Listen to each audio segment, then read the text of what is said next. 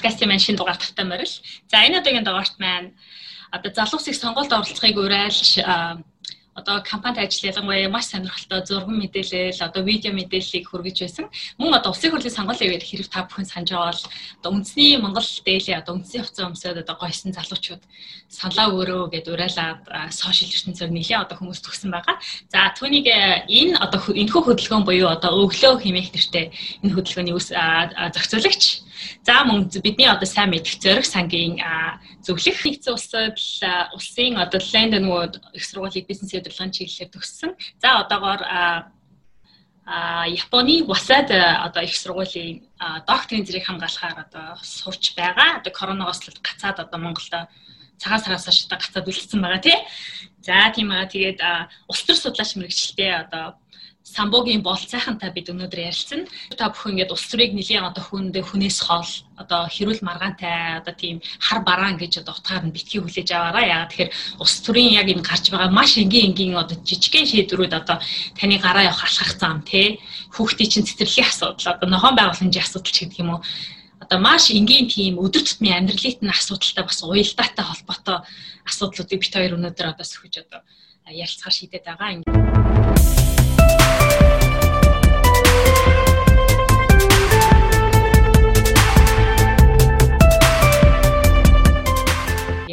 А уу? А болцоохон. Сайн байна уу наа? Сайн сайн. За цагаа гаргаад өнөөдөр бас ингээд оролцохоор цагаа төлөвлөөд ингээд оролцож байгаад одоо маш их баярлалаа. Намайг өрсөнд баярлалаа. Танаа подкастт оролцож байгаа их баяртай байна. За байл. За Монгол арчсан улс мөн үү тухайлбал бид яг заримдаа ингээд хит шийдвэрүүдийг харахаар тий бизнесүүдийг жоохон хөмсөн а одоо хүмүүсийн эрхэнд жоохон халдсан ч гэдэг юм уу а бас тиймэрхүү нэг чөлөө зах зээлийг одоо дэмжихгүй гэсэн тийм шийдлүүд одоо их барьж байгаа намын зүгээс ч юм уу ерөнхий бас ажиглагтаад байгаа тийм одоо хэвлэл мэдээллийн хэрэгслүүдээр харахаар.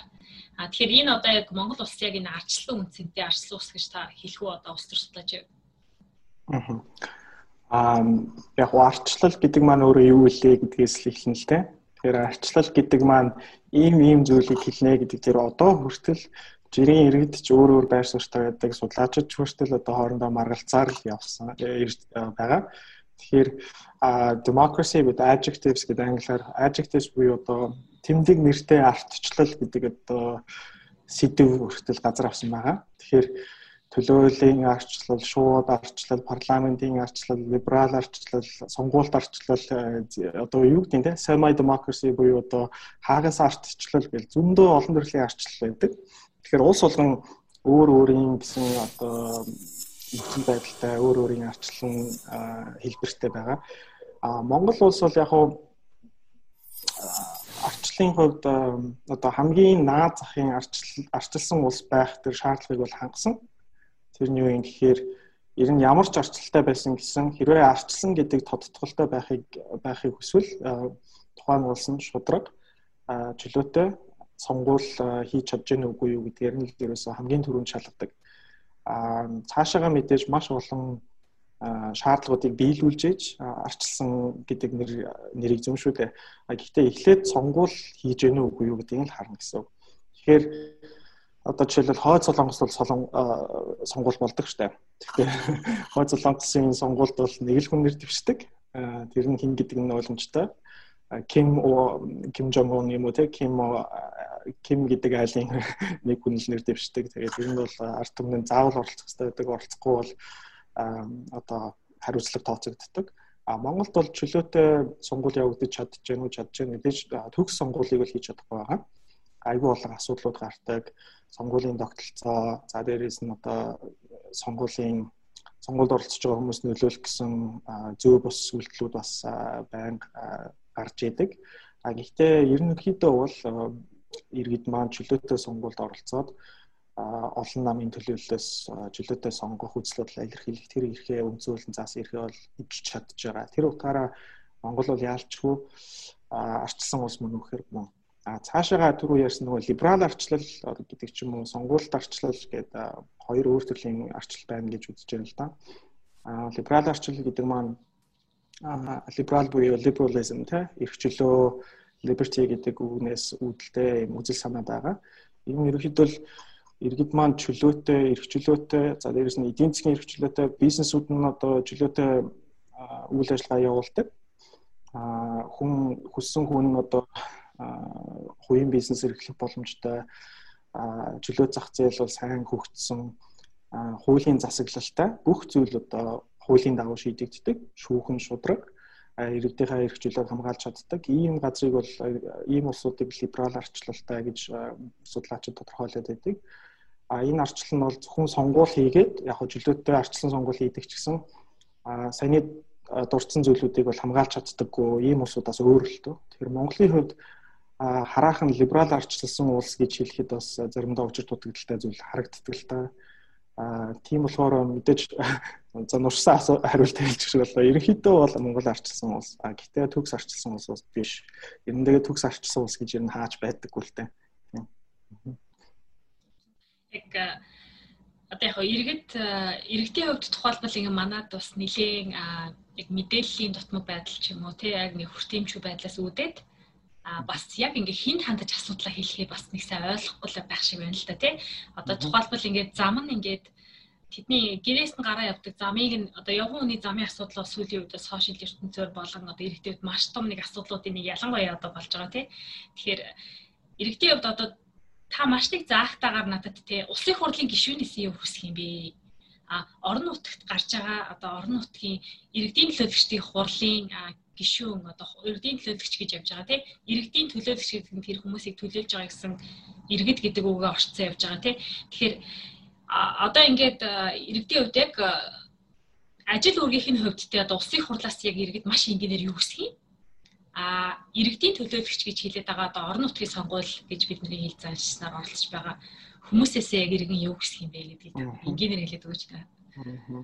За ер нь улсын хурлын сонгуулиар манай иргэд маань нэр дэвшиж байгаа хүмүүстэй уулзалт уулзалт хийх үеэр би бол дагаж явж исэн анзаарсан. Тэгээд их хөвчлэн бол хувь хүний халамжлал айгүй хүсдэг юм шиг санагдсан. Тэр нь одоо тэр зам ахын настай сонгогчд маань надад одоо болон манай гэр бүлд одон медаль аваад өгөөч өгөөч тий миний хөдөлмөрийг үнэлээч гэдэг ч юм уу а эсвэл миний яг амьдарч байгаа хороо дүүрэг орчинд манай гудамжинд гэрэлтүүлэг тавиад өг зам засаад өг дид үтцэн айгүйх одоо шаардлагуудыг тавьдаг юм шиг санагдсан а мэдээж нөгөө их хурл төвшиж байгаа хүмүүс саналыг авахын тулд тийг яа би хөдөлтөд өгөө биелүүлээд өгөө гэдээ явдаг.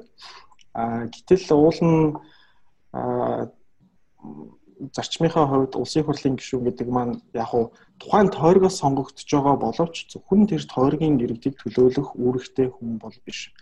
А яг уу тойргоос сонгогдож байгаа гэсэн нийт Монгол улсын 3 сая хүний сайн сайхны төлөө ерөнхий одоо бодлого боловсруулах улс их орн маань хаашаа явах гээд байна уу ямар зүг рүү явах гээд байна уу гэдэг тэр том vision буюу одоо ирээдүг ирээдүйн дээр зургийг тийм гаргах ёстой. А тэгэхээр одоо нэг хорооны асуудлыг хөдөлтөд яваад байх тийм 76 оныг бол сонгож байгаа биш. А мэдээж хороон дээр байгаа гудамжинд байгаа яг амьдарч байгаа газарт нь тулгамж байгаа асуудлууд бол чухал биш гэсэн зүйл биш л те. Тэд нар маань иргэдийн өдөр тутмын амьдралд нь тулгамддаг асар чухал асуудлууд байдаг те зам тээврийн асуудлууд байгаль орчны бохирдол амьдарч байгаа орчны аюулгүй байдал хүртээмжийн асуудал гэл маш олон асуудлууд байгаа.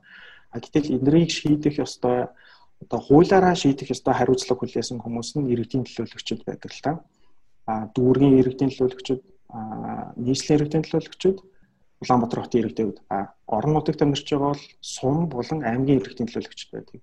Тэгэхээр эдгээр хүмүүсээс чаардах ёстой шаардлагуудаа тавих ёстой одоо хүсэлтүүдээ бид нар улсын хурлын сонгуульд нэр дэвшиж байгаа хүмүүсээс шаардаад байдаг.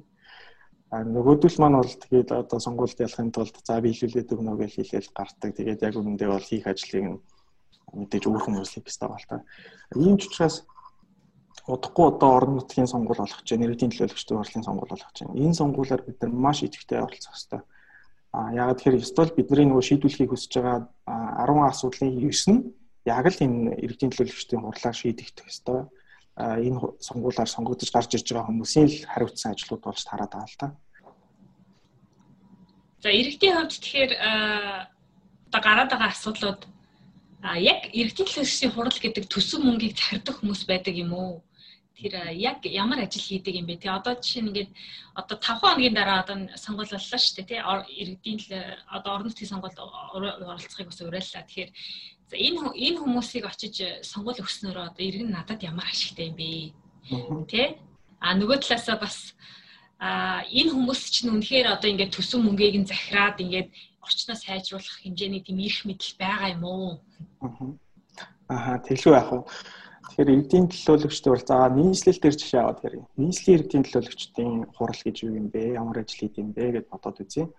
Тэгэхээр Улаанбаатар хотын 1.3 сая гаруй иргэдийг төлөөлөхөд 45 хүн нийслэлийн иргэдийн төлөөлөгчдөөр сонгогдно. Тэгэхээр энэ хүмүүс бол асар чухал бидэнд тулгамддаг өдөр тутмын асуудлуудыг шийдэх ажлуудыг хийдэг байна.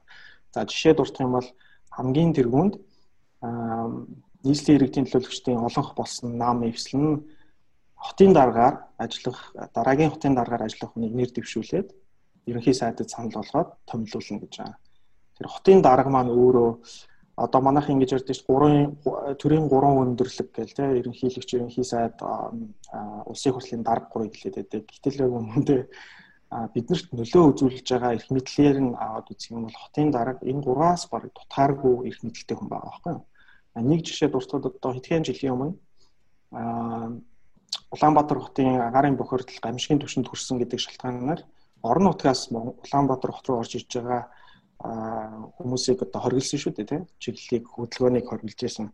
Гэтэл бид нар үндсэн хуулиндаа Монгол улсын иргэн чинь хаана төр оршин суух эсвэл байнга оршин суух хаашаа явах эрх нь бол үндсэн хуулиар заасан эрх байдаг.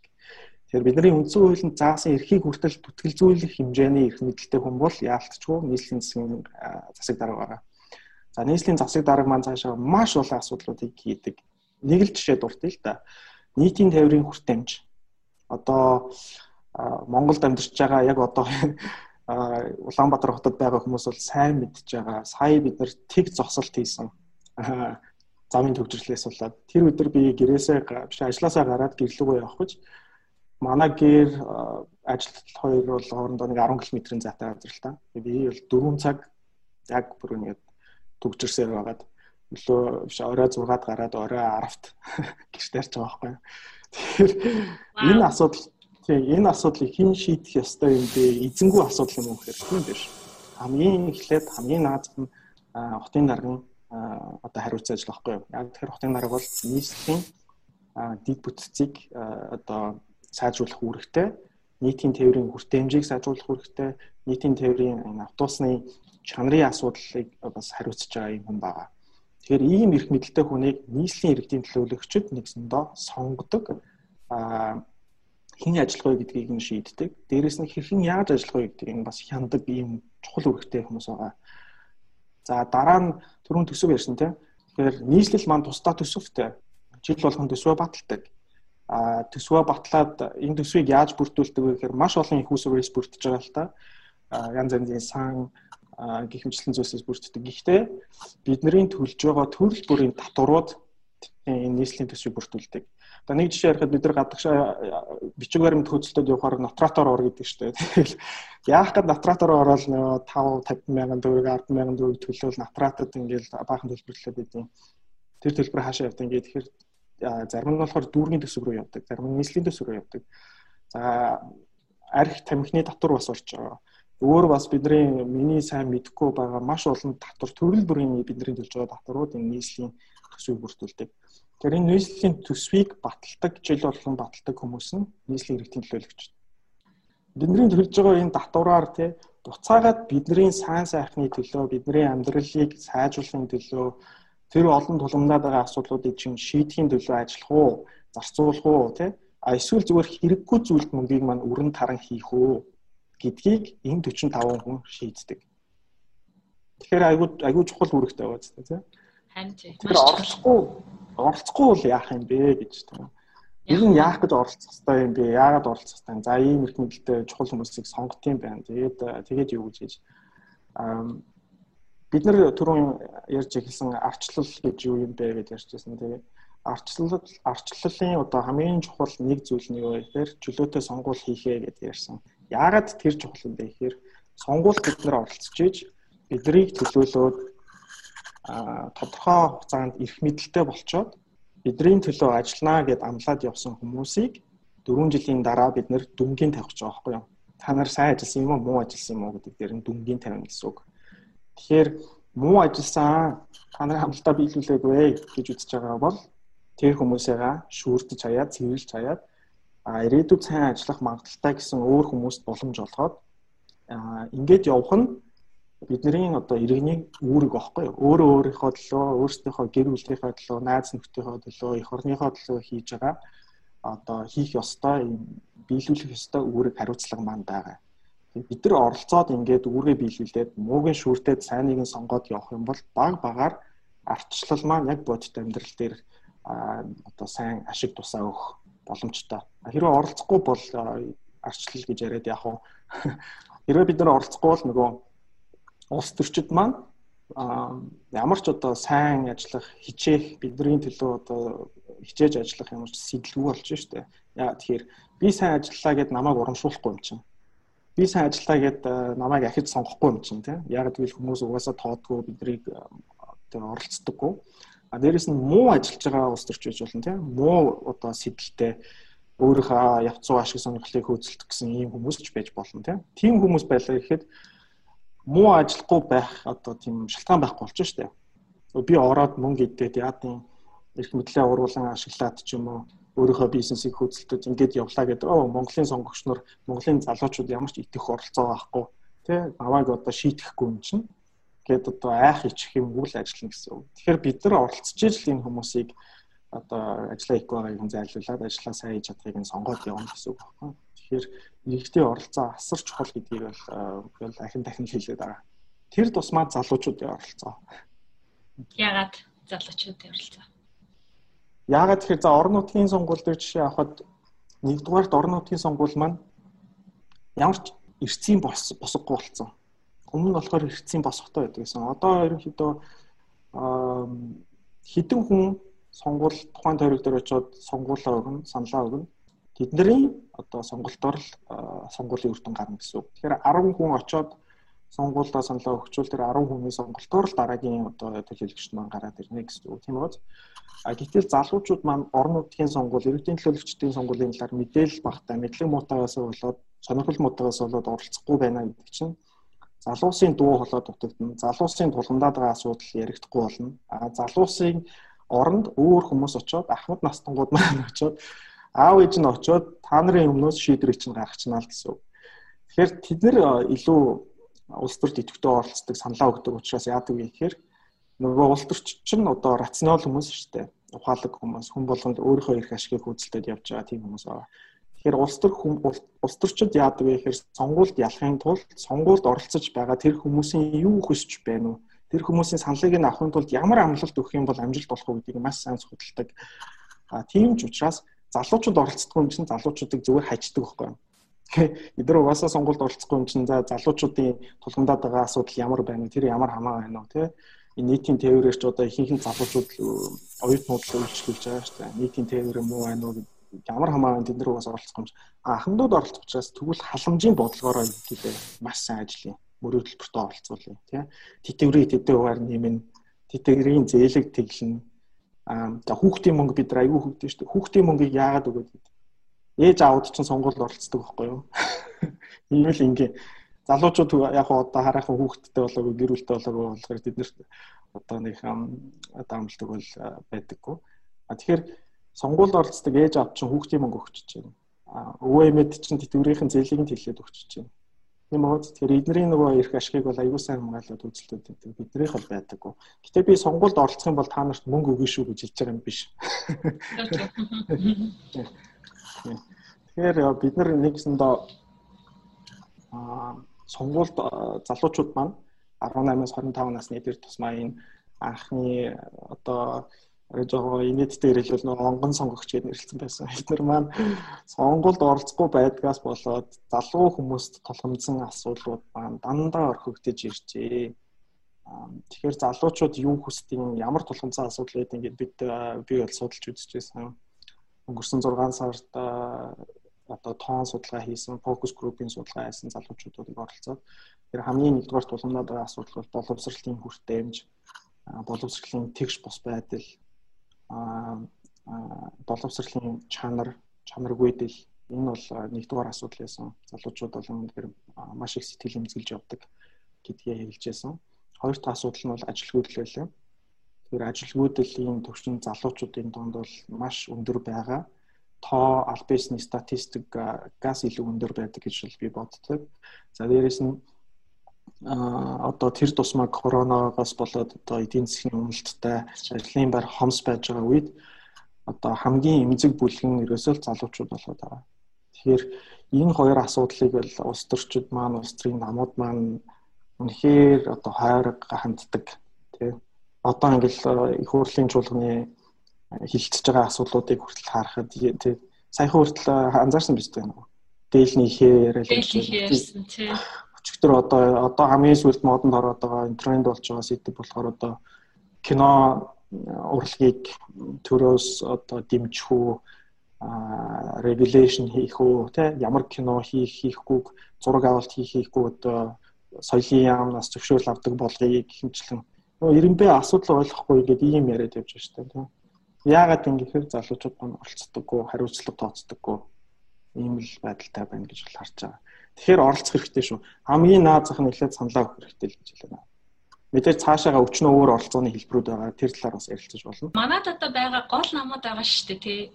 Энэ гол намуудын яг улс төрийн үцэл баримтлал нь юу юм бэ? Одоо бид нар одоо барууны соёлтой одоо зүүнний зүүнний үцэл бодолтой ч гэдэг юм уу. Тэгээ сүүлдээ бас нэлээд жоохон ойлгомжгүй бас болоод ирж ах шиг байна л да. Яг ингээд яг яг үзэл баримтлалыг нь та яг өөрийн одоо өөрсдийг нь тунхаглалтай үзэл баримтлал нь юу юм тэрнтэйгээ нийцж байна уу гэдгийг та яг ус зурж судлаач явж гэж харж байна.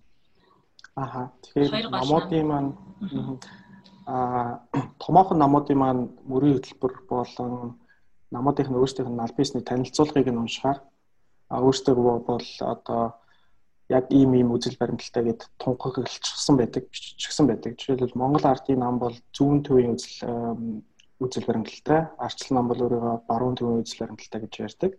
Тэгэхээр left of center, right of center гэж одоо англиар хэлдэг. Зүүнний үзэл гэдэг маань юу юм бэ гэхээр ер нь үзэл баримтлал гэдэг ideology үзэл баримтлал гэдэг маань яг явж явж үнэт зүйлэн дээр л очтгоо л доо. Тэгэхээр зүүнний үзэл баримтлалтай хүмүүс бол ихэвчлэн тэгш байдлыг бий болгохыг чухалчилдаг. Нийгмийн одоо шудраг бус байдал зүйлээс үүдэлтэй одоо ангид давхаргын юм уу те хүмүүсийн хоорондын ялгаатай байгаа баян хоосны ялгаач гэдэг юм уу энэ зүйл бол одоо их ач холбогдол өгдөг учраас илүү одоо тэгш нийгэм бий болохыг хүсдэг зорддог энэ үзэл санааг бол зөвний үзэл санаа гэж нэрлэж байгаа. Яг эдийн засгийн удаа үзэх юм бол аа дээрэс нь хэлэхэд одоо улс олгон улс орон болгонд өөр өөр байдаг шүү. Энийг сайн анхаарах хэрэгтэй. За барууны үзэл санаа гэдэг бол нөгөө классик эрх чөлөө liberty гэдэг хэлж байгаа. Гэтэ liberty гэдэг ойлголт маань бас а би жоохон боорын юм ярих гэж магадгүй. Sir Isaiah Berlin гэдэг одоо алдартай polymath философч хүний одоо төвшүүлсэн санаагаар бол liberty гэдэг маань хоёр төрлөө байдаг гэдгийг одоо бид ойлгох хэрэгтэй. Нэг нь болохоор сөрөг liberty буюу одоо надаас хол бай намайг 50 орох төр миний амьдрал битээ оролц те би өөрөө өөрийгөө аваад явчихна гэсэн нэг юм санаа.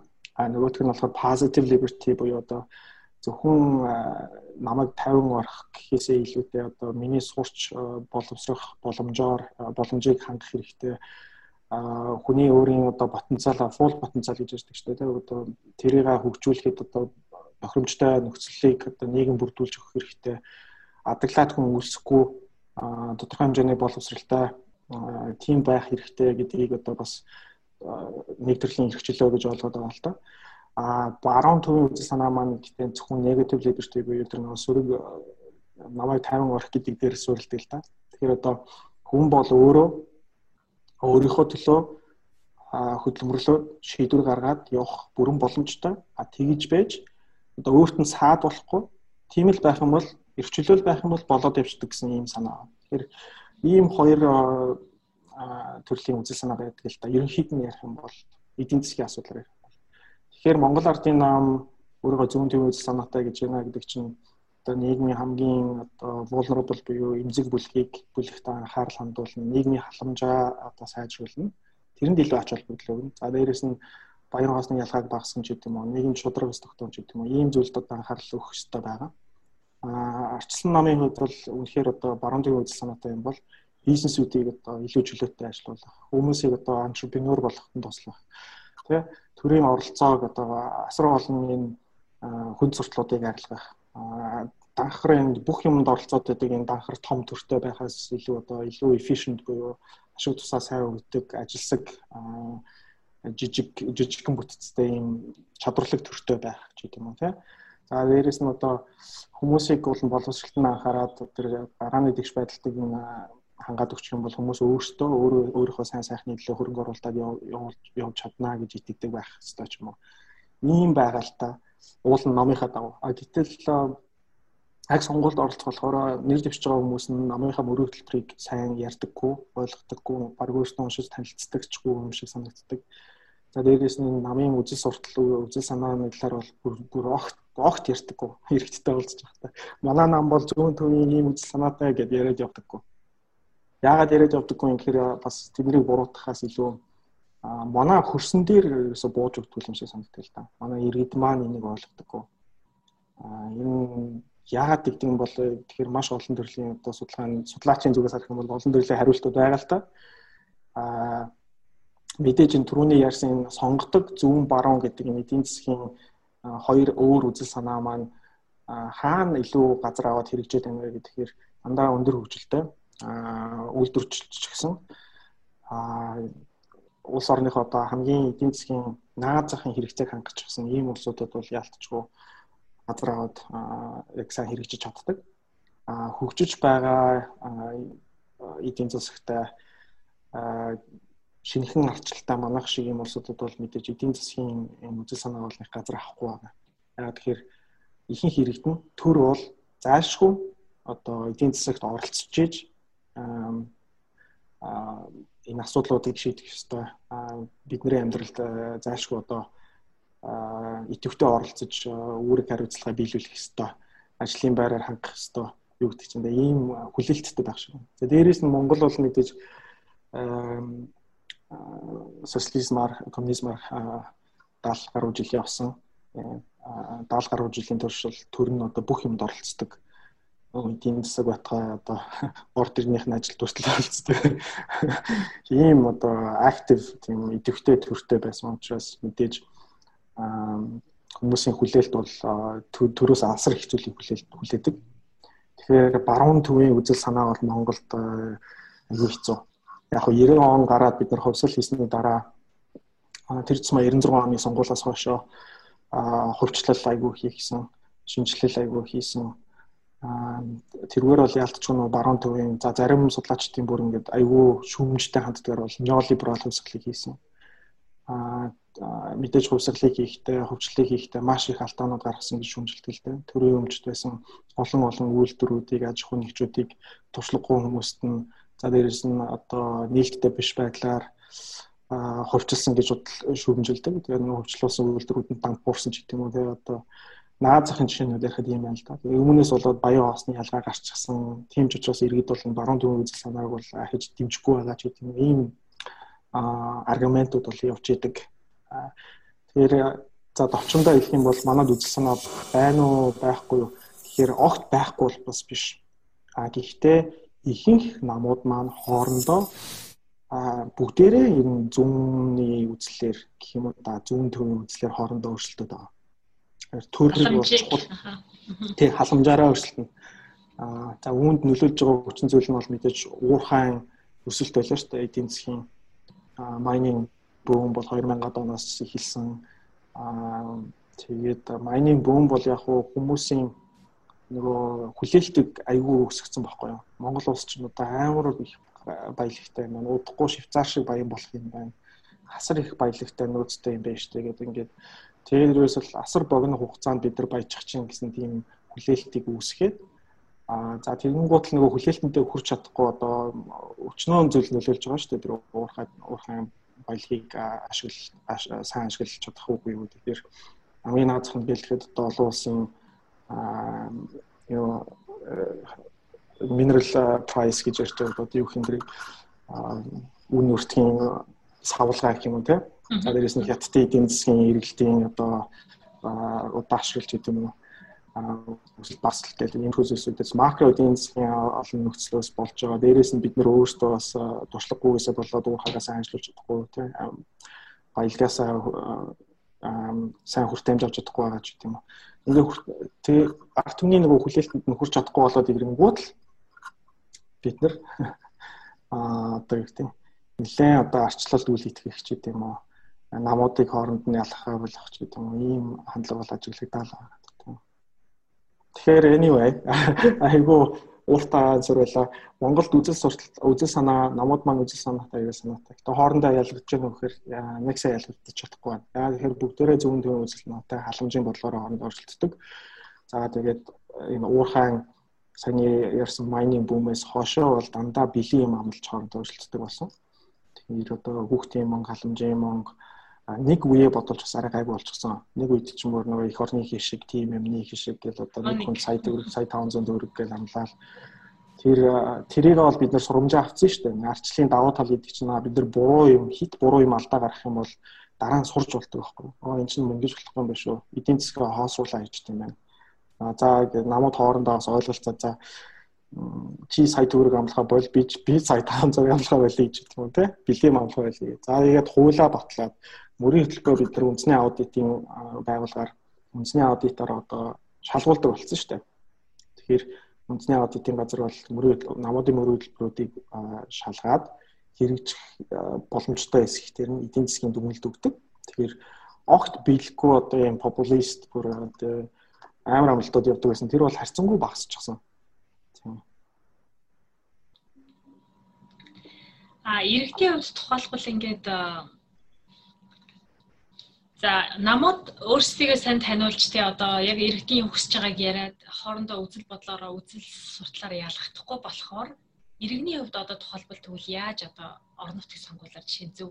Яг худлаа яриад популист амлалт өгөх гээд байгаа хүн а яг бодит юм хийх гээд ингээд ажил төлөвлөж байгаа хүн хоёрыг иргэн одоо би яаж ялгаж харах уу жишээ харж болох бол Аны одоо наад зах нь бид нар мөрийн хөтөлбөртэй сайн танилцах хэрэгтэй. Тэгээ сая э, би хэлсэн мөрийн хөтөлбөр нь бол харьцангуй бодиттой болчихсон гэж өмнөхтэйгээр харьцуулмал. Аа мөрийн хөтөлбөрийг нь хооронд нь харьцуулж харах хэрэгтэй уншиж судлаад тэгээд энэ хэр э, биелэх боломжтой мөрийн хөтөлбөр байна уу?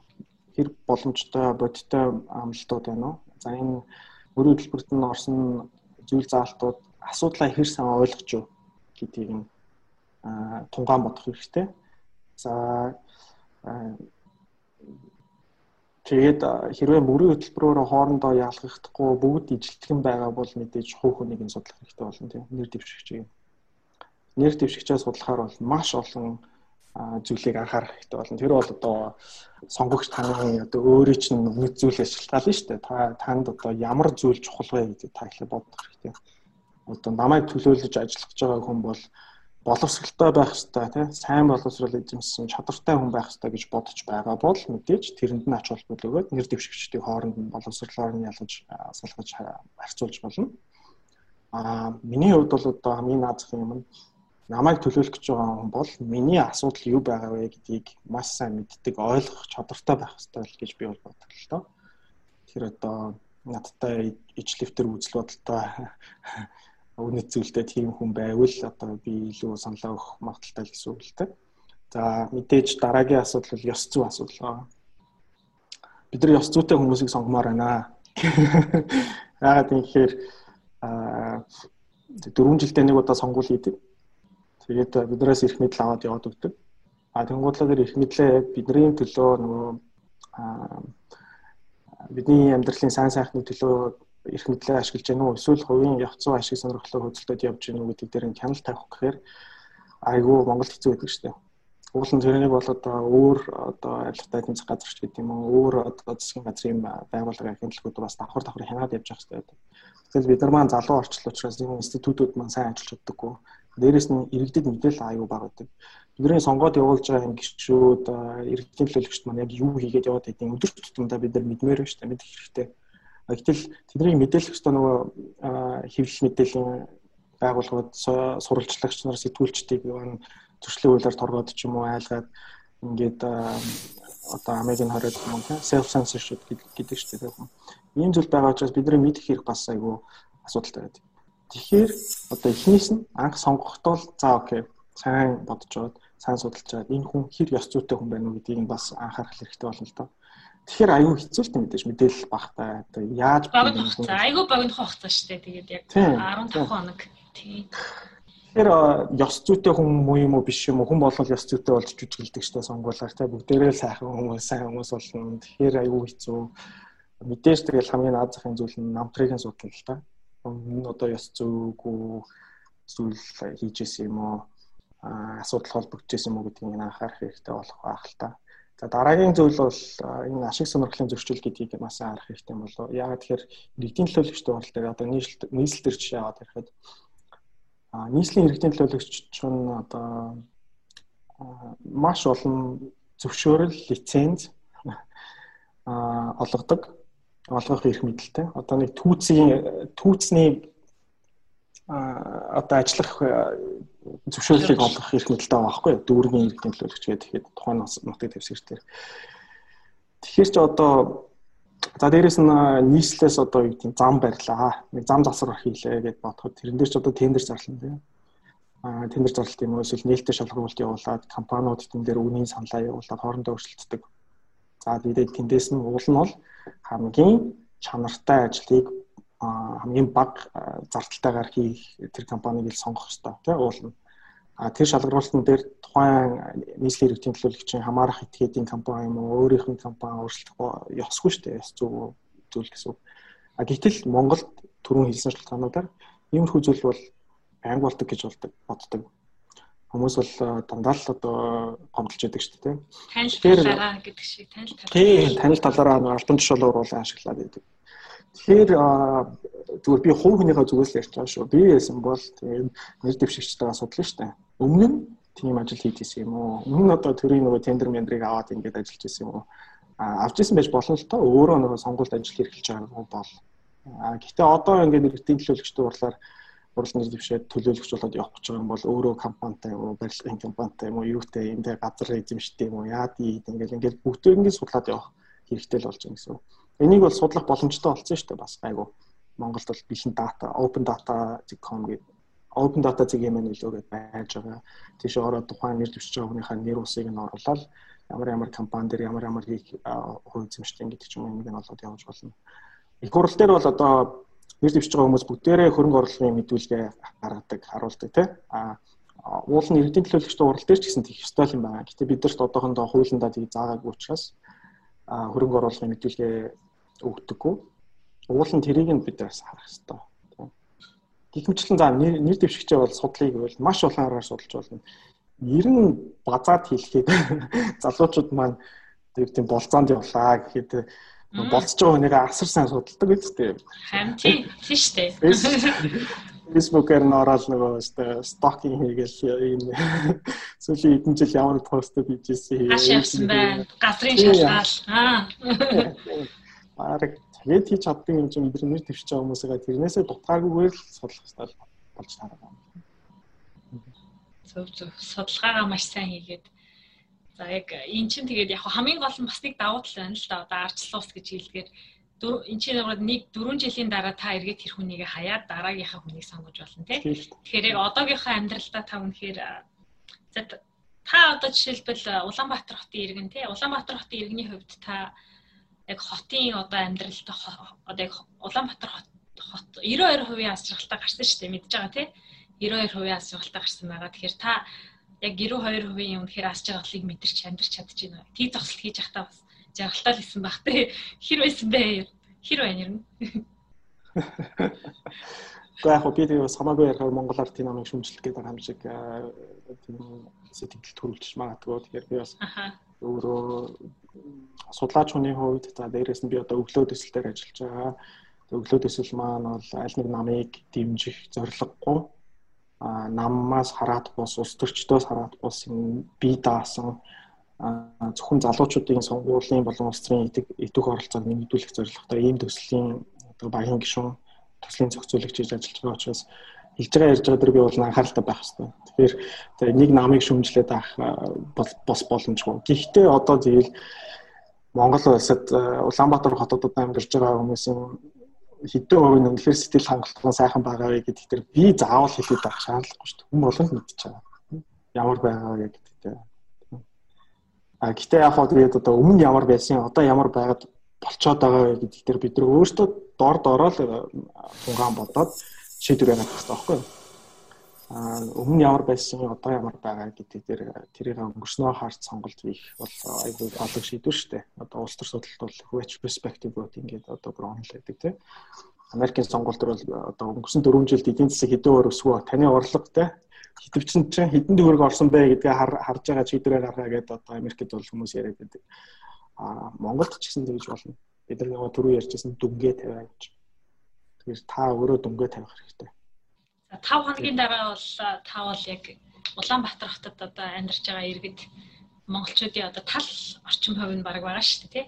Сая гаруй одоо их хит байгаа болцсон сайн мэдгүй. Гэхдээ за энэ хүмүүсийн хувьд бол яг яг дүнгээ тавих өдөр юм биш үү? Дүнгээл тавь тий. Өөрийнхөө төлөө дүнгээ тавь. Аа тэгэхгүй бол ирээдүйн одоо за дахиад 92% аз жаргалтай одоогор байгаа. Тэгээд энэ аз жаргал нь бүр өсөөд явахыг ч үгүйсэхгүй а цаашдаа тий. Тэгэхээр яг бодит аз жаргал гэхээр миний хувьд миний одоо өөрийн харж байгаагаар а яг би Монголд одоохондоо амьдрахгүй байгаа ч гэсэн сошиал ертөнц болон одоо дүү одоо амат садныхаа одоо байгаа нөхцөлийг харахаар бол 92% аз жаргалтай бол надад л өмнөдөө харагдахгүй л байгаа. Яг миний өөрийн бодлоор бол түрүү хэлсэнчлэн тий. А тэгээд ер нь ингэхээр одоо яах вэ? Одоо чухалбал ингээд улс төрчид ингээд амлал одоо улс төрийн мөрийн хөтөлбөр гарч ирээд одоо 92% аз жаргалтай гарлаа ч гэдэг юм уу эсвэл ингээд амлсан мөрийн хөтөлбөрөөсөө биелүүлээгүй мөртлөө тэрийг одоо ингээд биелүүлсэн юм шиг мэдээлэл түгээдэг ч гэдэг юм уу? Эсвэл яг яг нэг юм амлчаад амлах үедээ а нөгөө эргээд ажиллаа ихээр яг тэрнээс шал өөр юм дээлнийхээ хийдэг ч юм уу ээлнийхээ ярьдаг ч юм уу тий? Иймэрхүү асуудал гараад ирэхээр жишээлбэл яг яаж одоо иргэд хийнэх хэвтэй зөвхөн одоо Монгол ардын нам биш ер нь бүх намын хувьд иргэд яах хэвтэй яг амлалтын зөрөөг нь одоо яаж хийнэх хэвтэй юм бэ? Энгийнээр. Харин тийм болохоор эхнээсээ бид нар мөрөө хөтөлбөр дээр нь сайн танилцаад сонголтоо хийхдээ за ийм ийм зүйл амлсан шүү гэдгийг нь хараад ийм ийм зүйл амлсан учраас би танахыг сонголоо гэдгийг маш ухамсарлах юм бол дараа нь бид нар хариуцлага тооцох болохоор эргээд санана шүү дээ. А та нар чинь тийм тийм амлаж ирсэн. Тэрийг хийсэн юм хийгээгүй мө гэдгийг угаасаа бид нар хараад ойлгомжтой болно шүү дээ. А Тийм. Тэгэхээр анханасаа нөгөө анхаарал хандуулаагүй, сонгол болж байхад юу болж ирснийг анзаараагүй, мөрийн хэлбэрийг нь уншаагүй, аа эсвэл өөр зорилгоор ингэ санаа өгсөн хүмүүс бол буцаад хариуцлага тооцох гэхээр аюул хэцүү. Мэдлэггүй мэдээлэл юм чинь юу болоо эдгээр чи юу амлаа гэх.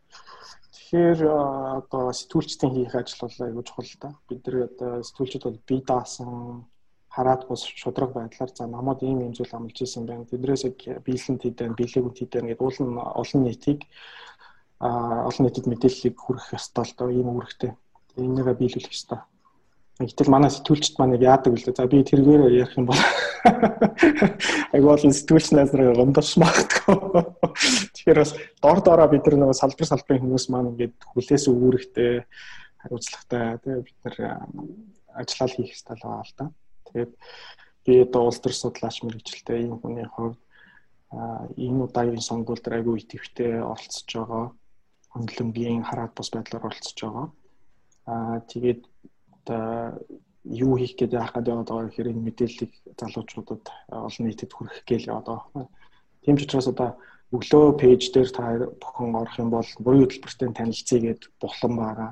Тэрэн дээр бол яг нөгөө чухал гэж үзэж байгаа асуудал бүрээр нь Монгол юу улсын одоо том том намууд хоорондоо ямар ямар мөрийн хөтөлбөр санал болгож байгаа амлалтууд өгч байгаа. Тэр нь яаж ялгаатай байгааг нь маш ойлгомжтойгоор нэг нэг мөрөөр ингээд тайлбарлчихсан байгаа. Тийшээ ороод мэдээлэл авч болно шүү гэж хэлмээр юм.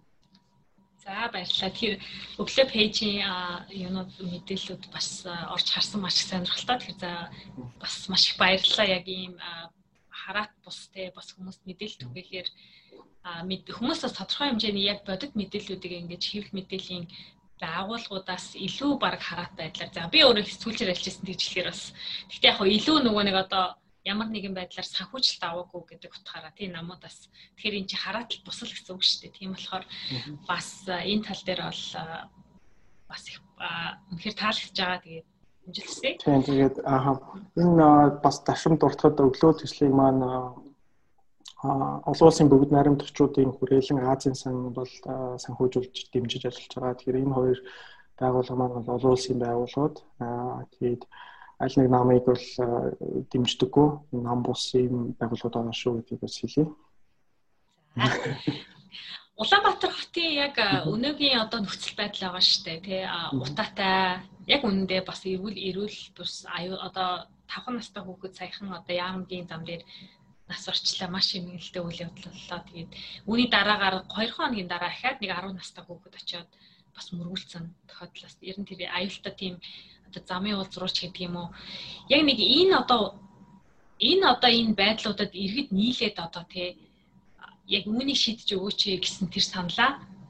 А одоо энэ иргэдийн төлөөлөгчдийн иргэдийн төлөөлөгчдийн одоо иргэдийн төлөөлөгчтэй хийх юм байна шүү дээ тий усын хурлын гишүүндээ биш тэгэхээр яг одоо энэ иргэдийн төлөөлөгчдийг ямар маш энгийнээр одоо ямар ямар өөр ажлуудыг одоо энэ хүмүүс бид нар хандж хийж болох вэ иргэд одоо ийм энгийн асуудлуудаас одоо ер нь хуулийг нь уншихаар бид нар чинь а иргэдэд өдөр тутамд тулгамдаад байгаа нийгэм эдийн засгийн бүх асуудлыг иргэдийн төлөөлөгчд маань судалж шинжилж шийдэж өгөх ёстой. Тэгэхээр шийдэж чадахгүй боломжгүй байгаа бол дараа дараагийнхаа шат шатны удирдлагад боломжлоод шийдвэрлэх ёстой байна.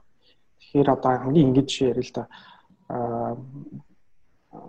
манай найз одоо сонгоны дүрхт л баян зүрх дүрхт юм байна. Юунд гэр оролт амьдэрдэг хотын төвд ажилтай. Тэгээд оройтож ажиллаа айгүйх тартдаг. Тэгээд дүгжирч ирж явсаар байгаад автобусаар гэртээ хардаг. Гэртээ хараад гэр орол руу гудамж руу яваад гэртээ орох гээд тэгэхээр айгүй харанхуу ямар ч гэрэлтүүлэг байдаггүй тийм аимшигын санагдаг гэж надад ярьдаг гэсэн байхгүй. Тэгээд тэнд нь бол нэлээд удаа гэмтэр гарч исэн гэдэг. Тэгэхээр энэ асуудлыг хэн шийдэх яаж шийдэх вэ. Тэгэхээр хамгийн дөрөнд одоо хорооныхаа дараагт хэлж болно хорооныхоо дарагт хэлээд бид нэг гэрэлтүүлэг тавилмаар байгаа гэдэг. Тэр хороон дээр үнэхээр боломжнд байгаа бол тэр шийдэж өгөх ёстой. А чадахгүй бол дүүргийнхаа иргэдийн төлөөлөгчд рүү дүүргийнхаа засаг дарга руу хэлнэ. За дүүрэг нь шийдэж чадахгүй бол цаашаа нийслэл рүү явдаг юм. Ингээд ингээд шат даргаалтай ингээд явах ёстой. Аа үнэхээр уламжлаад одоо юу гэдэг юм асуудлаа хилээд хахад хүлээж авахгүй хайхрахгүй бол одоо юу гэдэг тэрэн дээр бол үүргээ биелүүлэхгүй л байх гэсэн үг шүү дээ. Тэгэхээр тийм хайхран хайхрахгүй ажлыг чи хийхгүй байгаа хүмүүсийг бид нар дөрөв жилийн нэг удаа солиод ажиллах боломжтой л байхгүй. Тэгэхээр тийм. За зөвхөн нэг жишээ ярихад л гэрэлтүүлэг бол маш энгийн жишээ шүү дээ тийм. Одоо гэрэлтүүлэхээс гадна бид нарт өчнөө асуудлууд байгаа. Энэ асуудлууд ямар асуудлууд байгаа гэдгийг бол надаар хэлүүлдэг бүгдээрээ мэдж байгаа. Нэг бороо оронгууд бид нар муусны нөгөө зайлуулах одоо дид бүтцээ сайн шийдэж чадаагүйгээс болоод хот даяар үерч тавт Энэ бол одоо бүр эзэнгүү асуудал бол бас биш. Угаасаа л ийм байж ирсэн чинь анханасаа ингэ буруу эзэж ингээд ингээд суугаад байх шүү дээ. Ирээдүйд энийг яаж сайжруулах вэ? Яагаад энэ хийхгүй байгаа юм бэ гэдэгт бид нар одоо иргэдийн төлөөлөгчдөө өсөө асуух хэрэгтэй. За тэгээд хамгийн чухал юм нь яг улс төрийн оролцоотой байх хэрэгтэй гэдэг рүү яриад байна. Гэхдээ сонгуульд саналаа өгөх бол одоо анхан шатныхны оролцоо байхгүй юу? Сонгуульд саналаа өгөхдөө бид нэр за ийм ажлаар та нарыг сонголоо шүү. Аа Гэт мөрийн хөтөлбөрийг нь уншаад сонголтоо хийчихнэ. Хийснийхаа дараа бид нар хэсэг хугацааны дараа буцаагаад хяналт тавих хэрэгтэй байхгүй юу? Аа хяналт тавина. Нөгөө ажил нь хийж байна уу, хийхгүй байна уу? Яаж хяналт тавих вэ? Бид нар шууд одоо хүсэлт явуулах шууд хүсэлт явуулах өргөдөл бичих, очиж уулзах, тэр байтугай уцаар нь залгаад асуух. За дээрээс нь энэ биднээс дэмжлэг аваад аваад эрх мэдэлтэй болсон хүмүүс чинь буцаад биднэртэй уулзалт хийх хэрэгтэй байна иргэдтэй уулздаг, ажлаа тайлхна. Тэр үеэр нь бид нэр уулзах хэрэгтэй. Танхимд нь очиод асуулт асууж явах хэрэгтэй. Ямар явж байгаа, яаж яаж. За улсын хурлаар бол одоо хууль баталгаар болох юм бол хуулийг хилцгээс өмнө иргэдийн нийтийн хилцүүлэг хийдэг хүлтэй болчихсон. Тэр тэр хилцүүлгээр очиж уулзч болно, саналаа хэлж болно. Тэгэхээр ер нь хандлагаасаа шалтгаална л да. Одоо бид нэр сонгож гаргаж байгаа хүмүүсийг дарга гэж бодох болох хэрэгтэй дарга биднийг даргалаад дээрлээд дээрээс ингээд ингээд ингээд дараад явж идэг ийм үүрэгтэй тийм эрх ямттай хүмүүсийг сонгож байгаа гэхээс илүү миний төлөө ажиллах үүрэг хүлээсэн үйлчлэгч л байх хэвээр биднэрт үйлчлэх тийм үүрэгтэй хүмүүс ээ. Миний эсвэргээрээ өөр утгаараа бодох юм бол миний одоо төлөөлөгчтэй representative буюу миний төлөөлөгч миний эрх ашигыг төлөөлж шийдэж одоо миний төлөөл ажиллах хэвээр юм хүн гэж ойлгож болно. Тэгэхээр агент гэдээ болгочтой тийм эйжент буюу агент миний агент гэсэн үг миний эрх ашигыг тэгээд хэр сайн хийж гэн одоо төлөөлж гэнэ ажлаа сайн хийж гэнэ үгүй юу гэдгийг бид нар шууд шалгах хэрэгтэй гэсэн үг. Иргэдийн төлөөлөгчдийн урлаар одоо шууд одоо нэг өдөр яваад очиж болно шүү дээ. Болохгүй байхгүй бид нартай шууд харьцах хэрэгтэй юм үүрэгтэй хүмүүс. А татварын мөнгөөрөө бас цалинжуулж байгаа болохоор одоо нэг өсөндөө одоо би ингээд цайны газар ороод кофений газар ороод кофе аваад уулаа гэхэд би ч нөгөө сервист нь мөнгө төлж байгаа шүү дээ. Тэгэхээр үүнтэй яг л адилхан адилхан шүү дээ. Адилхан гэж ойлгож байна шүү дээ. Тийм тийм тэглэв баг. Тийм. Тийм сервис бид мөнгө төлөө сервис авч байгаа юм чинь. Шаардлага гэж болно гэсэн үг. Тэгэхээр тэгэхээр одоо ийм асуудал гарч иж байгаа байхгүй аа. Аа яг манайхан нэг э, ерөнхийн нэг нийтлэг хандлага болохоор нөгөө нийтийн эрх ашиг гэж нэг эрх ашиг байгаа шүү дээ. Аа тэглэв байх. За нийтийн эрх ашиг гэдэг бол нийтээр ашиглаж байгаа бүх одоо зам талбай одоо одоо бүх нийтийн нийтийн эрх ашиг. Тэгэхээр манад одоо яг үндэ энэ байдлууд ингээ хаягдаад байгаа шалтгаан чинь тэгвэл бид нар нийтийн эрх ашиг гэдгээ бид нар бас нэгсэн ойлгоогүй юм уу? Эсвэл одоо тий а ойлгоогүй болохоор тэрэн дээр нь одоо ус төрчдөд илүү ингээд тоглох тий илүү одоо тэрэн дээр нь өөрсдөндөө ашигтайгаар хувийн одоо ашиг сонирхолтой нийцүүлэгч гэдэг юм уу тийм боломжийг бид нар өөрсдөө олгоод бид нар бас өөрсдөө жоохон арчаагүй байгаа юм шүү гэж бас бодогдоод байна яг хөө тийм зүйл анзаардаг анзаардаг. Түрүүн би хэлжсэн шүү дээ нөгөө улсын хурлын сонгуулиар нэг төвч байгаа хүмүүс иргэдтэй уулзаад явхад иргэд дандаа хувийн халамжлал хүсэж байна гэдэг. Хувийн гэдэг нь яг намайг болон манай гэр бүлийг халамжлаад өгөөч. Манай хүүхдийг сургуульд оруулаад өгөөч. Манай одоо ихчийн эмнэлгийн эмчилгээний төлбөрийг олгоод өгөөч. Надад медаль аваад өгөөч гэд ингээд хөөцөлдөд яваад байна шүү дээ. Тэгэхээр аа уулын зарчмынхаа хувьд бол одоо иргэдийн төлөөлөгч тэр улсын хурлын гишүүч тэр яг намайг халамжлах үүрэгтэй биш уулна бол. Тэгэхээр биднийг төлөөлөх, бидний нийтийн тий одоо иргэдийн төлөөлөгч гэж болохоос биш иргэний төлөөлөгч биш. Болцаахны төлөөлөгч биш.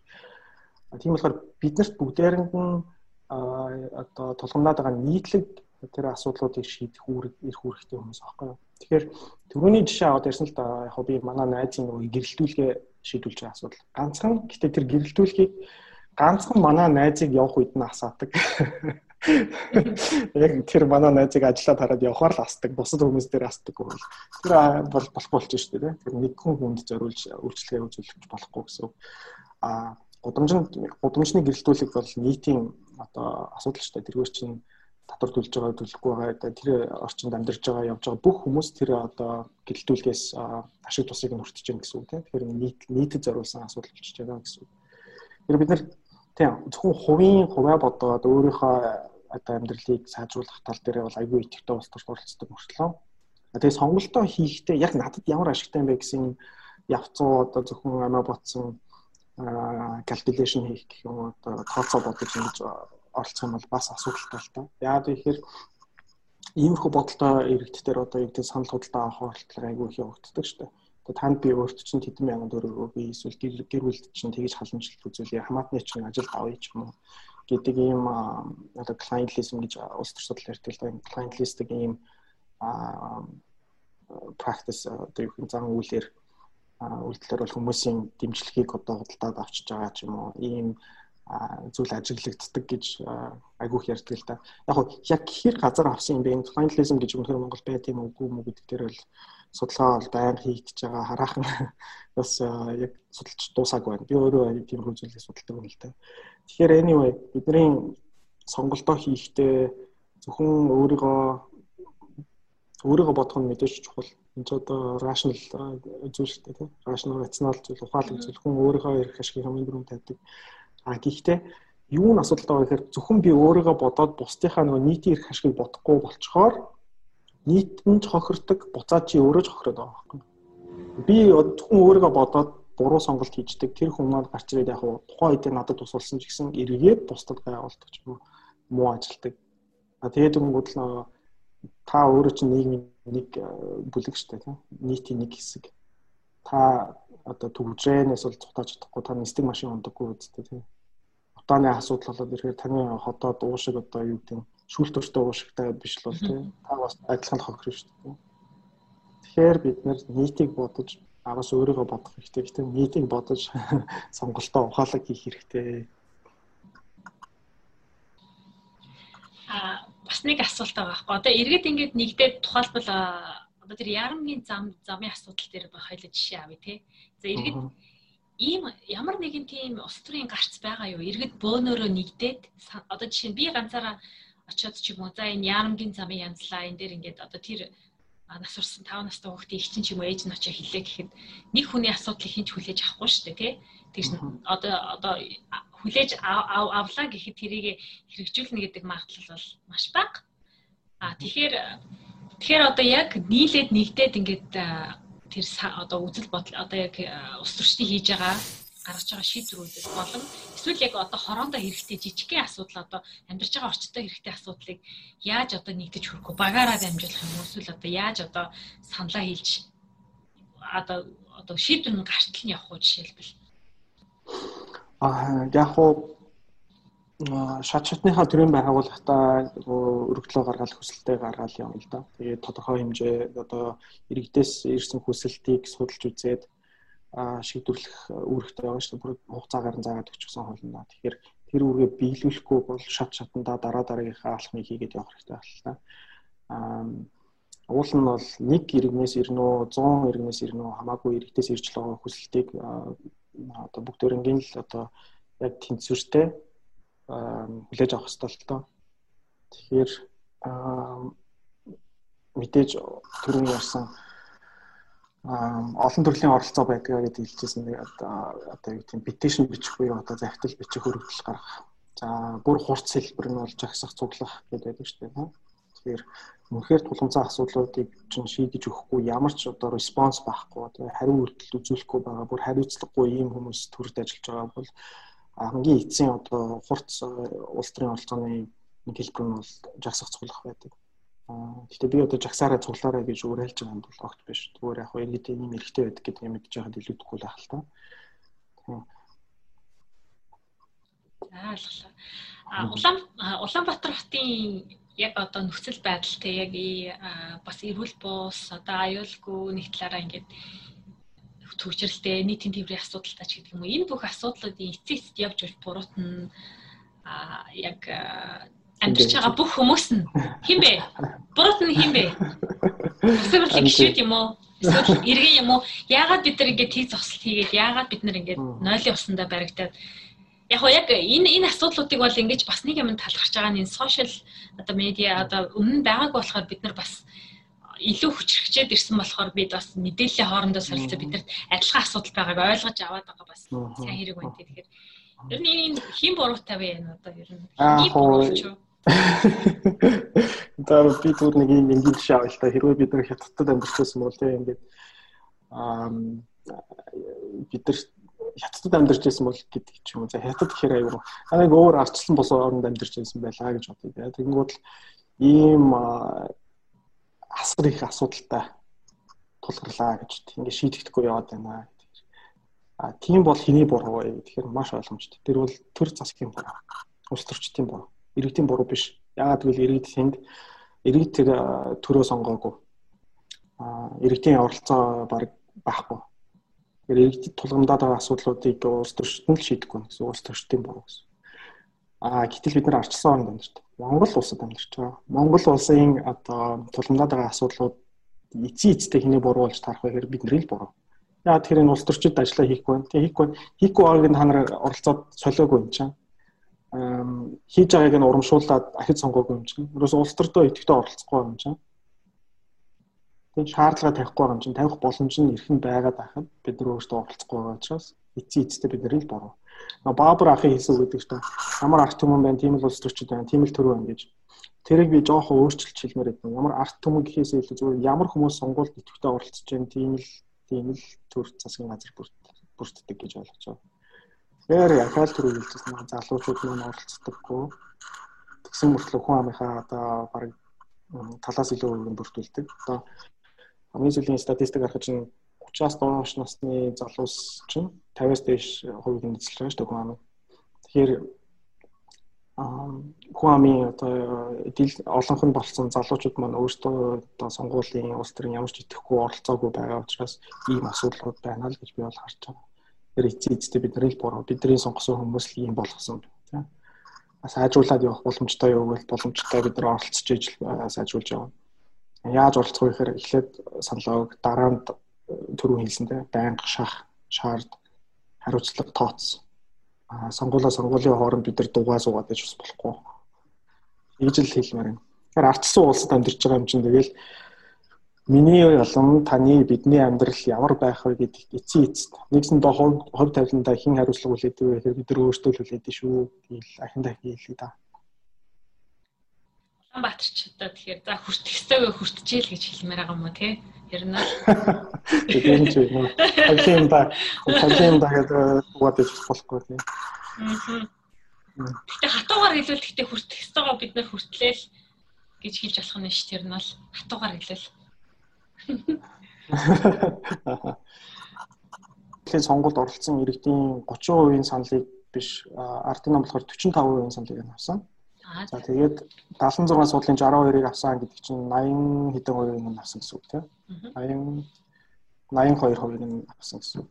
Тэр яг 45%-ийн санал буюу одоо сонгуульд оролцсон хүмүүсийн дийлэнх олонхын саналыг ч аваагүй мөртлөө хурлын суудлын бүр 82%-ыг нь авсан байна гэдэг чинь. Тэгэхээр энэ бол санал суудлын зөрөө бол асар өндөр байна гэсэн үг тийм.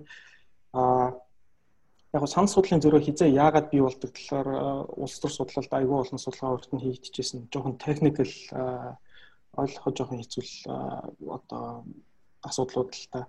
Ер нь бол санал судлалын зөрөө хизээ яагаад үүсдэг вэ гэхээр Aaron Lighthart гэдэг одоо Dutch улс төр судлаачийн бичсэн номнуудыг манай залуучууд маань хэрвээ сонирхон бол уншаарай. 94 оных ном байдаг санагдаж байна. Electoral Systems and өөр юу гэдэг лээ нэг тийм гарчигтай ном байгаа 94 онд live heart гэдэг ledge part гэж бичдэг тэрийг уншаарай. А үүнд юу нөлөөлж байгаа вэ гэхээр ялч сонгуулийн тогтолцоо а сонгуулийн тогтолцоо гэдэг маань юу юм бэ гэхээр бас нэлээд өргөн сэдв болно. За ерөнхийд нь ярих юм бол сонгуулийн тогтолцоо гэдэг маань маш энгийнээр тайлбарлая л та. За хэдүүлээ улс төрийн нэг тоглоом гэдээ ойлгочих. Тэгээ тоглоомд мэдээж нөгөө за сагсан бөмбөг юм. Сагсан бөмбөг гэдээ ойлгочих. Тэгэхээр сагсан бөмбөгт хоёр баг тоглож байна багуудад одоо сагсан бөмбөгч нь тогтсон дүрмтэй байгаа шүү дээ тийм. А 3 занаас шийдэх юм бол 3 оноо гэдэг. 3-ны шугамын зураас нь дотроо шийдэх юм бол 2 оноо гэдэг тийм. За тэгээд хоёр алхалт хийж болдог. Бөмбөгөө бариад гүгээд иж болохгүй. Гихмжлэн ингээд тогтсон дүрмүүд байдаг. Улс төрийн улс төрт одоо сонгуульд яаж оролцсон, хэн оролцсон, хэдэн намууд оролцсон. А ялагчийг яаж тодруулах юм? Тойрог бүрээс нь одоо хэдэн ялагч тодорох юм гэдгийг одоо хуулиар зохицуулж өгсөн энэ тогтолцоог л сонгуулийн тогтолцоо гэдэг байна.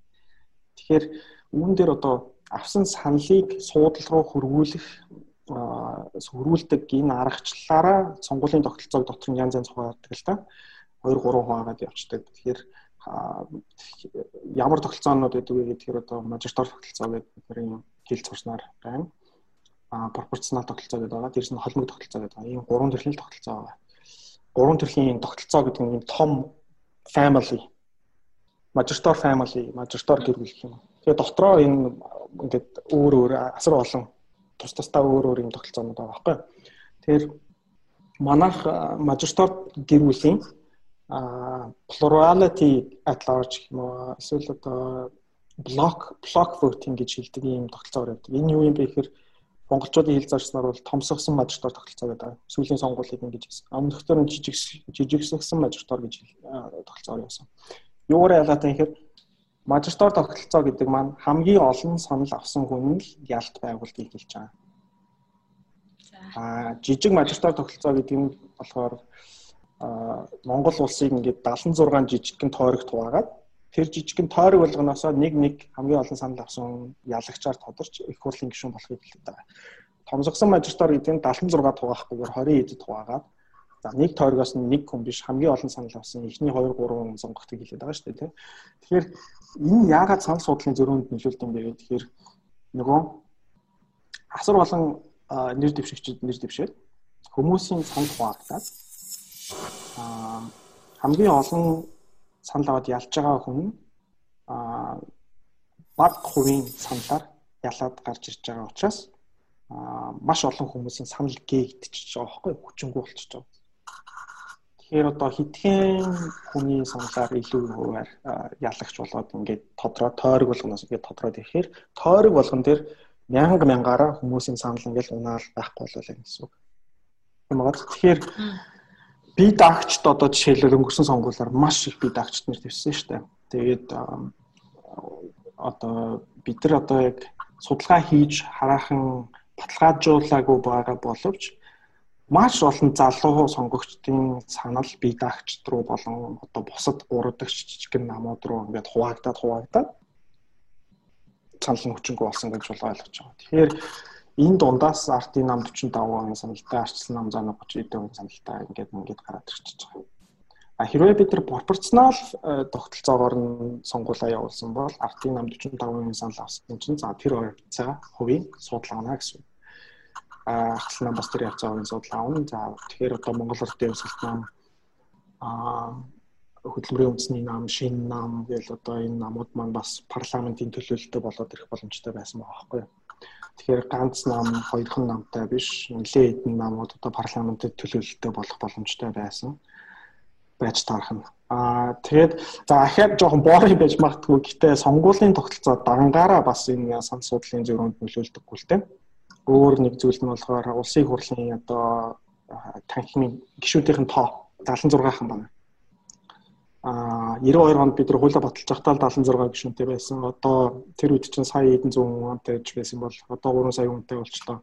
Ялгааг бол 76 тагаал байна. Тэр дэлхийн нийтийн жишээ бас байдаг л да арчилсан улсуудын одоо парламентийн буюу хууль батлах байгууллагын гишүүдийн танхимын тоон тухайн улсынхаа хүн амынхаа куб язгууртай тэнцүү байдаг. Тэгэхээр 3 сая гаруй хүний куб язгуурч нь уулзаад 100 хэд вэ нөө калькулятор байвал харчаарай 140 хэд байгаа. 144 ч үлээ би өөрөө бодож үзчихсэн.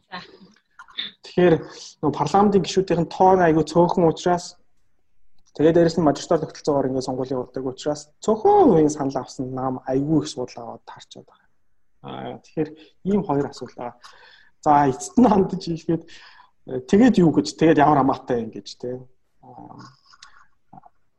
Яагаад хамаатай вэ? Энэ яагаад чухал вэ гэхээр төрийн эрх мэдлийг авж байгаа нам бүлэг одоо улс төрчдөд юу гэдэг юм энэ хүмүүс маань одоо арчилсан зарчмын дагуу одоо олонхын одоо зөвшөөрлийг авах гэх тийм олонхын одоо дэмжлэгийг авч ийж төрийн эрх мэдлийг авах хэрэгтэй шүү дээ. Гэвч олонхын дэмжлэгч авч чадаагүй хүртлөө эрх мэдлийг дан ганцаараа эзэмшнэ гэдэг чинь нөгөө арчлалын төлөөллийн зарчим бас алдагдахад хүргэж хүргэж байна гэсэн үг. Тэгэхээр асуудалтай болж тарж байгаа. Аа тэгээд миний хийжсэн судалгаануудаар бол ингээд харахад сонгуулийн тогтолцоо. Аа Монгол улсад санал судлалын энэ зөрүү бол асар том гардаг. 45% саналаар 82%, 45% саналаар 86% гэх өмнөх сонгуулиудаар. 2000 онд бас яг ижлэхэн тогтолцоогоор явуулаад нэг нам нь эртний нам нь одоо дийлэнх болгохыг авч исэн ийм тогтолцоонууд ийм үр дүнгууд гарч исэн. Тэгэхээр сүүлийн 100 жилийн турш дэлхийн 100 гаруй улсад хийгдсэн 1000 гаруй сонгуулиас санал суудлынхаа зөрөө ийм ялгаатайгаараа Монгол улс одоо эхний 2 3-т ордог. Тэгэхээр ийм том ийм ийм ийм савлгаатай ийм нэг ясны одоо шудраг биш гэж хэлмээр тийм а сонгуулийг бид нэр хийгээд байна. Тэгээ энэ юу буруутай юм яагаад юм бэ гэхээр ерөөсөө л сонгуулийн тогтолцоо танхимын жижигэн байгаа ийм хоёр асуудал байгаа. Эдрийг бид нар заавал бол нэрийдүүд шийдэх ёстой гэж харж байна. Ийм асуудал гарчиж байгаа хгүй хоёул түрүү онцлон шиг иргэдийн за та ингэж хэлсэн Монгол улс арчлан улс яагаад тэгэхээр бид нар хамгийн наад захын эрх буюу сонгол өгөх эрхээ бид нар эдэлж байгаа гэсэн. А гэтэл ингээд сонгол өгөх эрхээ харахаар эрхээ харангуут бас сонгол өгөх эрх чинь өөрөө энэ систем нь өөрөө тэгвэл иргэдийн саналыг гэдэг өөрөө шудраг биш арчилсан биш юм шүү. Тэгвэл эн чинь ингээд зөрчилдөд ш тоорондоо. Тэгэхээр одоо яах вэ? Яг уу бид нар сонгуульд оролцох, бүрэн оролцох хүн болгон одоо юу гэдэг нь тодорхой хууль одоо юу гэдэг нь гимтэр хийгээгүй бол гих мэтлэн ганц хоёр заалтууд байгаа шүү дээ тийм нэг сонгуульд оролцох хэрэгтэй ямар нэгэн байгаа л зүйлээ харуул тэр эрхийнхээ хүрээд хүн болгон чөлөөтэй сонголт оролцоод хүссэн хүндээ саналаа өгөх эрх нь бол байна. За харин тэр саналаа өгсөний дараа таны санал хэрхэн яаж хуваарлагдах вэ? Суудал руу яаж хуваарлагдах вэ гэдэг дээр ийм асуудал үүсэж байна тийм. Их барьж байгаа ганцхан Монгол ардын нам биш шүү. Ирэх барьж байсан намууд дандаа өөртөө ашигтай байдлаар сонгуулийн тогтолцоог оролдож барыг сонгуул болгоноод өмнө нь хэдхэн сарын өмнө ингээд сольдог ийм жишг тогтцсон байгаа байхгүй. Энийг хин хийж анх яаж эхлүүлсэн гэдэг ярих э, нэг сонирхолтой биш баг. Тэг хин буруутай юм гэл одоо яриад байх юм шиг. Гол нь ийм жишг байгаа нь буруу. Тэ? Сонгуулийн тогтолцоо бол ер нь хөгжилтэй орнуудад арчлал удаан оршин тогтносон ийм established democracies гэж ярьдаг ийм улсуудад Европын орнуудад сонгуулийн тогтолцоо огт өөрчлөлтөггүй гар хүртэггүй. Яагаад гэвэл эдгээр чинь нийгмийн одоо гэрээн дээрээ суурилсан. Үндсэн хуулиндаа тусгагдсан байдаг ихэнх газрууд.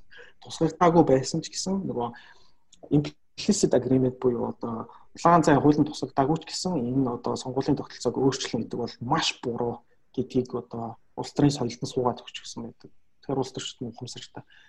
Тэгэхээр амар чухал үнэхээр чухал одоо үүрэг ороолтой институт учраас тэрийг ингээд дур мэдэж өөрчлөн гэдэг бол ерөөсөө байж болшгүй зүйл юм аа гэдгийг бусад арчилсан орнууд бол харуулдаг штэ. Тэгээ сонгуулийн тогтолцоогоо байнга монгол шиг өөрчилдөг. Одоо миний мэдхийн 6 7 удаа өөрчилсөн байна юм. Бараг сонгуул болгоноор өөрчилдөг. Ийм улс бол за за би бол мэдэхгүй хаана гэдэг. Тэгэхээр яагаад ингэж өөрчлөлт байгаа юм гээд. Үгүй яг ягаад өөрчлөлт байгаа нь ойлгомжтой нөгөө хоёр том намууд маань өөрсдөө тэгээ өөрсдөө ашигтай байдлаар өөрчлөх гээд аа тэгээ Монгол улсыг хүсснээрээ одоо хуваагаал 26 тойрогт юм 20 хэдэн тойрогт хуваагаал тэгэл сууж байгаа за тэнд би гарна энд чи гарна гэдэг ингээд ингээд яваад тийм тэрийг бид мэдчихэж байгаа. Аа асуудал юм дээр тэгэхээр ингэж сонгуулийн тогтолцоог өөрчилж байгаад нь бид нэр ямар ч дуурахгүй байгаа л асуудал байхгүй иргэд маань ойлголтгүй байна. Сонгогчд маань сонгуулийн тогтолцоо гэж юу юм? Энийг өөрчлснөөрөө бидний сонголтонд яаж нөлөөлөд байгаа? Аа гих мэтлэн миний яриад байсан саяны зүйлсүүдийг сайн мэдэхгүй ойлгохгүй энэ талаар бичиж байгаа танилцуулж байгаа ярьж байгаа хүмүүс нь ховор байна. Аа тийм учраас одоо мэдээлэл байгаа иргэд маань юм чинь болохгүй шүү гэдээ эсэргүүцэл үзүүлэхгүй байна. Тэгэхээр одоо дураараа авирлал тогтолцоогоо наашаа цааш нь өөрчлөл гэж би хараад байгаа. Тэгэхээр ирээдүйд хийх ажил их байна уу? Юм нь одоо залуучуудад сонгуулийн тогтолцоо гэж юу юм? Гэхдээ яагаад чанарт ханарт хамаатай юм те? Гэхмэчлэн энийг одоо маш энгийнээр тайлбарлаж ойлгуулмаар байна. Тэгээд сонгогчийн боловсролтыг сайжруулмаар байна. А ирээдүйд мэдээж одоо боловсролт сонгогчийн боловсрол сайтай, улс төрийн ойлголттой мэдлэгтэй мэдээлэлтэй хүмүүс байх юм бол мэдээж эрх баригчид дураараа авилж чадхал болно шүү дээ. Тийм нэг тогтолцоог өөрчлөх гэдэг нь ингээд гэдэг юм бол одоо адглаар гараад одоо юу гэдэг эсэргүүцэл илэрхийлдэг л хэрэгтэй. А за ийм явдал тухайлбал одоо жишээ авал хоёлаа Америкаар жишээ авъя. За Америкт хэрэг а одоо сонгуулийн тогтолцоогоо ингээд 3 4 жил бол өөрчлөгдсөн бол хүмүүс нэр нь хариу үйлдэл үзүүлэх үү? Үзүүлэхгүйсэн үү? Ер нь яах яах вэ ер нь? Америкт одоо сонгуулийн тогтолцоо бол асар чухал үүрэгтэй тогтолцоо институт учраас үүнийг бол дур мэдээж өстой өөрчилдөг. Өөрчлөх юм бол бөө юм болно шүү дээ. Тийм үү? Би бол өстой баттай байна. Тэрэн дээр юу гэж бөө юм болно тий. Бөө юм. Тийм бөө юм бол тэнцчээстэй баг хөсөл гарахаар юм болно шүү дээ. Ингэж дураараа ингэж шийдэж болохгүй. Тэгээ хүн болгон буутай шүү дээ. Тэгэр ч юм барай. Тий амар шүү дээ. Тийм. Гэхдээ Америк ч биш одоо ингээд бусад орнуудад та нар судлаад үзээрэй. Сонгуулийн тогтолцоо ингэж өөрчилсөн улсууд айгүй ховор шүү. Сүүлд бол Нью Зилэнд баха, Шинэ Зеланд мажоритор тогтолцооноос пропорционал руу шилжсэн санагдаж байна. Мажоритор сонгуулаа хийгээд байсан чинь хоёр намын тогтолцоо үүсдэг. Тэгээд тэр хоёр нам нь одоо цаахан үеийн дэмжлэг авсан мөртлөө дийлэх судлыг авдаг. Яг л манайх шиг юм асуудалтай байсан учраас энэ бол арчилсан зарчимд нийцэхгүй байна болио гэдэг одоо хэлцээр хийгээд пропорционал руу шилжсэн санагдчих байна. Гэтэ намайгаас дабл факт чек хийгээрэй залуучуудаа. Би сольж готож хийж магадгүй. Энэ мажоритар тогтолцоог ер нь ямар улсууд ер нь голдоо ашигладаг вэ? Манайхаас гадна. Одоо өчөж байгаа улсуудад голдоо ашигладаг уу? Аа мажоритар тогтолцоо бол яг хуу сонгуулийн тогтолцоонуудын хамгийн анхны эртний хэлбэр Тийм. Анх бол англи хэрэгжилж эхэлсэн. Тэгээд одоо бол одоо мажистор тогтолцоог хэрэгэлдэг болсон англи байна. Миний мэдхийн Канада байж магадгүй. За Америкт бол ихэнх сонгуулиуд нь бас ингэж явагдаж байгаа. Тэгэхээр нөгөө англо-саксон улсууд гэж ярьдаг шүү дээ тийм. Аа Австрали бас хэрэгэлдэг. За дээрэс нь Английн колон байсан улсууд хэрэгжилж байгаа. Аа мажистор тогтолцооны нэг онцлог нь болохоор улс төр судлал бүр одоо Divergeving хууль гэж байдаг л та. Divergence law гэдэг. Diverge гэдэг одоо Франц эрдэмтэн байсан санагдаж байна. Франц байсан байна. Тэр эрдэмтдний одоо ногтлсноор бол ер нь тухайн улс магистрат тогтолцоогоор сонгуул явуулах юм бол явандаа хоёр намын тогтолцоотой л болдог. Манай бодит Тий. Одоо Англид бол одоо нөгөө conservatism liberals гэдэг хоёр нам байна шүү дээ. Аа Монгол улсад болохоор одоо ман ам тий манан гэдэг ч юм уу. Ингээд хоёр намын тогтолцоотой болчтой гэж одоо гаргасан байна. А эрсэгээр одоо пропорционал тогтолцоогоор явуулах юм бол ер нь олон номын тогтолцоотой болдог л доо. Тэгэхээр түрүүн хэлсэн шүү дээ олон номтой байх нь бас өөрийн гэсэн одоо давуу талтай, сулч талтай. Янз янз. Тухайн нөхцөл байдлаас шалтгаалаад, улс орны онцлогоос шалтгаалаад одоо эрэгч байж болно, сөрөгч байж болно. Гол нь тэднийгээ бид нэрээ ярилцах хэрэгтэй гэдэг дээр л одоо миний байр суурь юм л да. А Холимог тогтолцоо бол ихтэй одоо Европын орнууд, бусад Европын орнууд, баруун Европ болон одоо өндөр хөгжилтэй Скандинавийн улсууд холимог тогтолцоогоор сонгуулаа хийдэг. Холимог тогтолцоотой болохоор түрээсээ олон намтай болно, олон намтай болно гэдэг нь одоо олон ургалж үзэлтэй болно гэсэн үг шүү дээ. Нийгмийн одоо өөр өөр байр суурьтай бүх одоо хүмүүс өөрсдөө төлөөллийг шууд сонгох одоо илэрхийлэх боломжтой болно гэсэн үг. А хоёр намын тогтолцоотой болохоор яагаад хоёр биш хоёр мажоритар тогтолцоотой болохоор яагаад хоёр намын тогтолцоотой болчих тийм бэ гэхээр иргэд маань өөртөө бас рационал штэ. Одоо ухаалаг энийг бас мэднэ те анзаарна.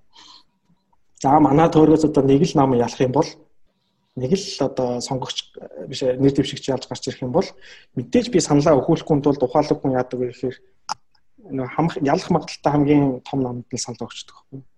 Хоёр намын нэгэн дөрөв Тэгэхээр нөгөө жижиг намуудад боломж олддоггүй. Аа пропорционалаар явах юм бол мэдээж боломжтой жижиг намууд хэмжлэг аваад явдаг.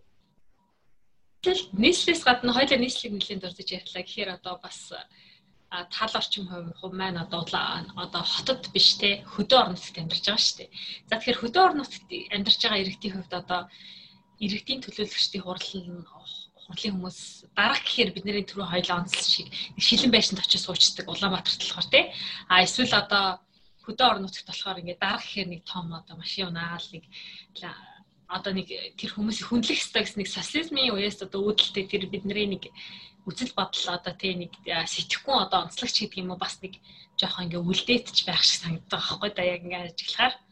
А тэгэхээр одоо орон нутагт амьдарч байгаа залуучууд болон одоо бүх хүмүүсийн хувьд адилхан одоо хөдөө амьдарч байгаа малчин хүний хувьд ч адилхан тий. Тэгэхээр та хэрв одоо өөрийнхөө амьдралын орчноо сайжруулъя яг өдөртмийн амьдралаа ингээд сайжруулъя гэвэл энэ иргэдийн төлөөлөгчдийн хурлын хүнийгээ сайн шалгаж асуух хэрэгтэй биш үү те тэгэхээр яг орон нутгийг хөгжүүлэх гэвэл одоо орон нутгийн иргэний хувьд жишээ та ингээд өөрийгөө за та одоо ингээд завханд одоо уст ч юм уу улаан ховонд тис суманд ч гэдэг юм бүр ингээд хөдөж жижигхэн суманд та амьдралаа гэж бодъё та нэг малчин заяа та одоо За та тэгвэл одоо жишээ нь яг тэр хүний өмнөд байсан бол та ямар шаардлагуудыг вэ? Одоо орон нутгийн иргэдийн хувьд та бас тийм зөвлөгөө өгөөч одоо яг сонголт хийх дээрээ. Мэдээж орон нутагт тулгамдаг асуудлууд маань бас өрмөцөлтөө.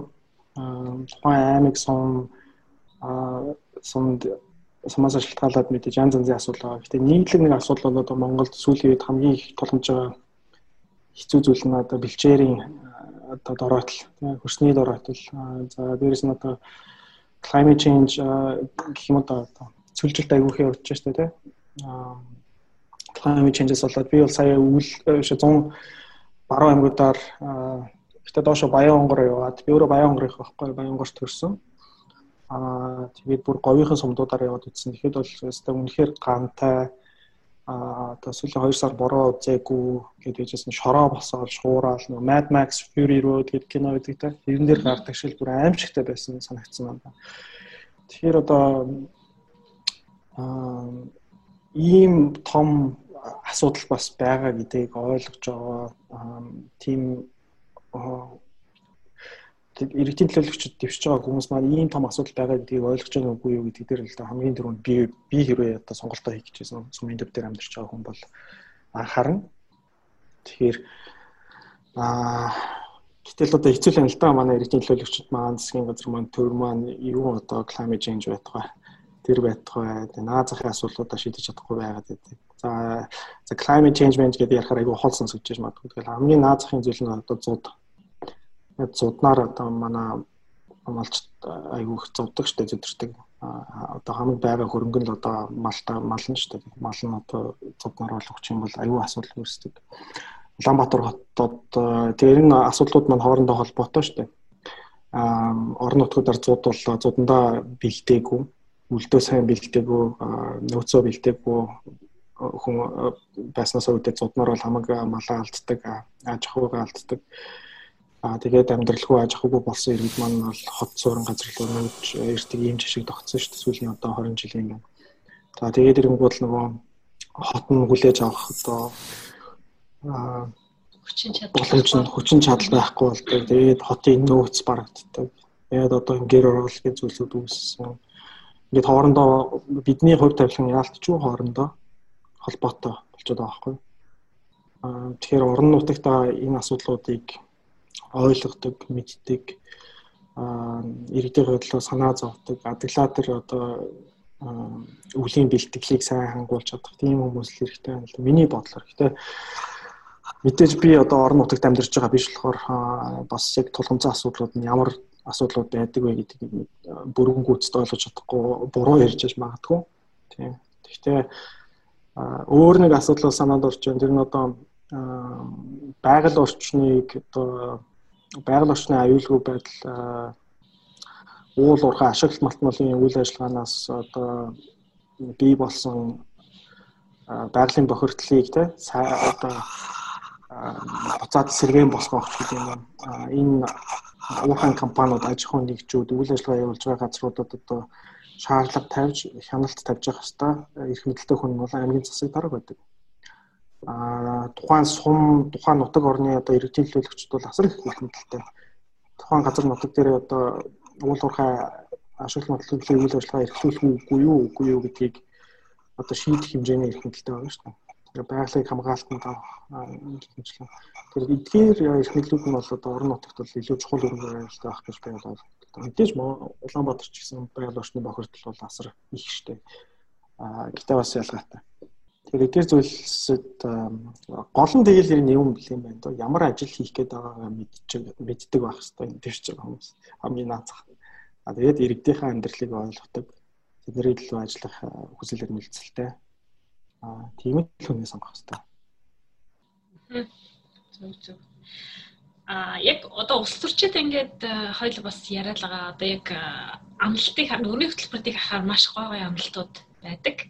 А тэгэн гут яг бодит амьдрал дээр гараад ирэнгүүт яг тэр амлалтууд маань зөрөө зөрөө заримдаа бол эсрэгээрээ болол явцдаг те. Ер нь бол жидүүчин гэдэг нэр айгүй тийм улс төр давс их сонирхолтой сонирхолтой одоо хэллэгүүд гарч ирж штэ те.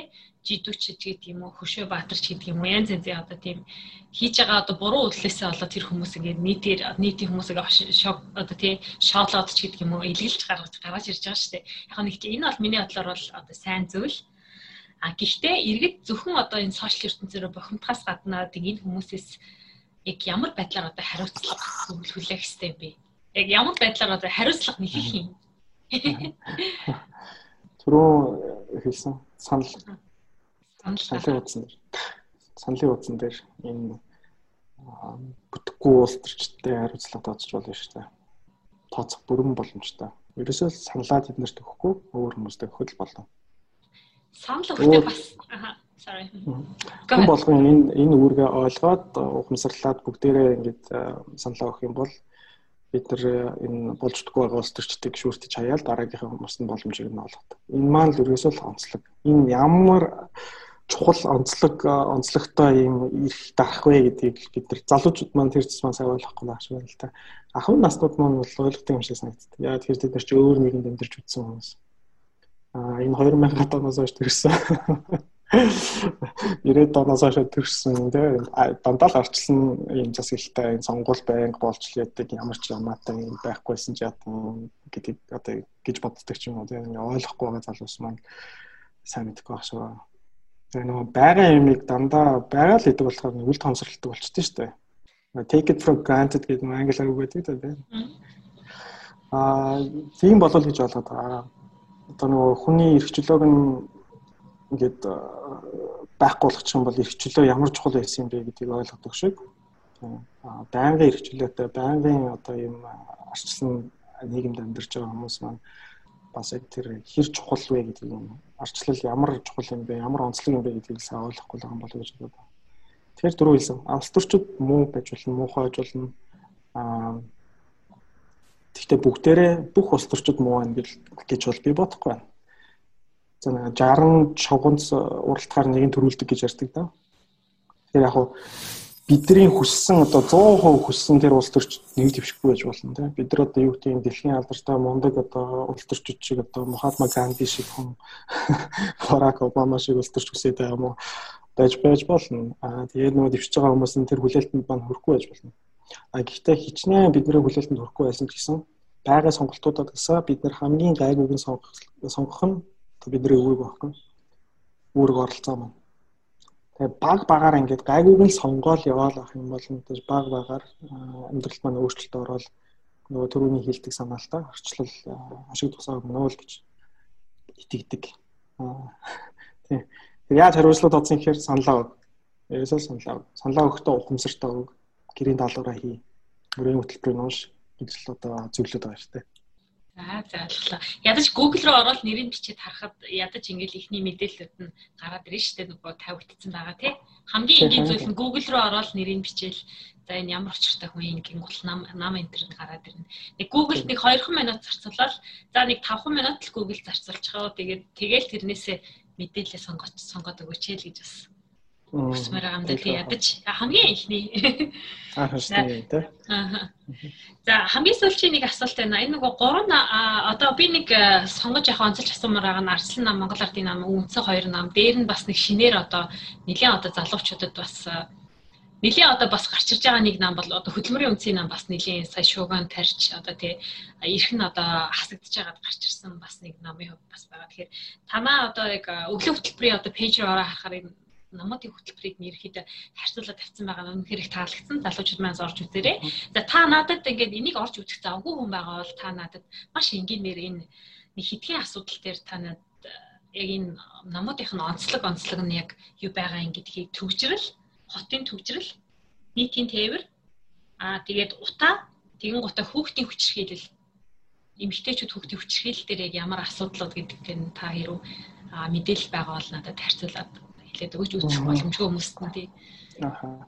Яг уу за би хэд мөрөд хэлбэртэй танилцъягээд болон гаргасан байгаа. Үүгээрээ бол одоогийн болохоор 3 дугаарыг гаргачихсан байна. Тэгэхээр хамгийн нэгдүгээрт бид энэ Улаанбаатар хотын төвжрэл тэгээ нийтийн тээврийн асуудлыг хэрхэн яаж шийднэ гэсэн бэ гэдэг дээр одоо дөрвөн намын мөрөд хэлбэрийг онцлсан байна дараа дараагийн удаа түрүү таны дурдсан сэдвүүдээр бол хийх болно гэж бодож байна. Аа тэгээд мөрийн хөтөлбөрүүдээс нарж байгаа яг энэ төгжрлийн асуудал дээр бол Монгол ардын нам, арчилсан нам хоёрын мөрийн хөтөлбөрүүд бол өөртөө ороод харсан дээр баг тийм. Аа ялгаатай зүйлс байна. Аа Монгол ардын намын хувьд бол одоо дүүжин замын тээврийн төсөл хэрэгжүүлнэ гэсэн байна. Тийм нөгөө аа их их залуус маань баг сайн мэдж байгаа бах та хэдэн сарын өмнө зайсангаас байсан баха тэгээ хотын уртлаас хотын хоошоогоо хөндлөн туулсан юм дүүжин зам байрна гэж ярьжсэн. Тэгээд тэрийг бол мөр хөтөлбөрт оруулчихсан байна. Артын нам арчлан нам хоёрын хувьд хоёулаа одоо BRT систем систем гэх юм аа тэрийг одоо Google дээр харчиж болно. Ерөөхдөө BRT систем гэдэг нь bus rapid transit гэдэг англиар хэлсэн англи үг юм байна л да. Тэгэхээр тусгай одоо аа автобусны гэх юм уу одоо ийм хөтөлбөр хэрэгжүүлэх юм шиг байна. Энэ одоо зам нь тусдаа явдаг. Тэгээ ерөнхийдөө нөгөө transit way гэж ярьдаг шүү дээ тийм.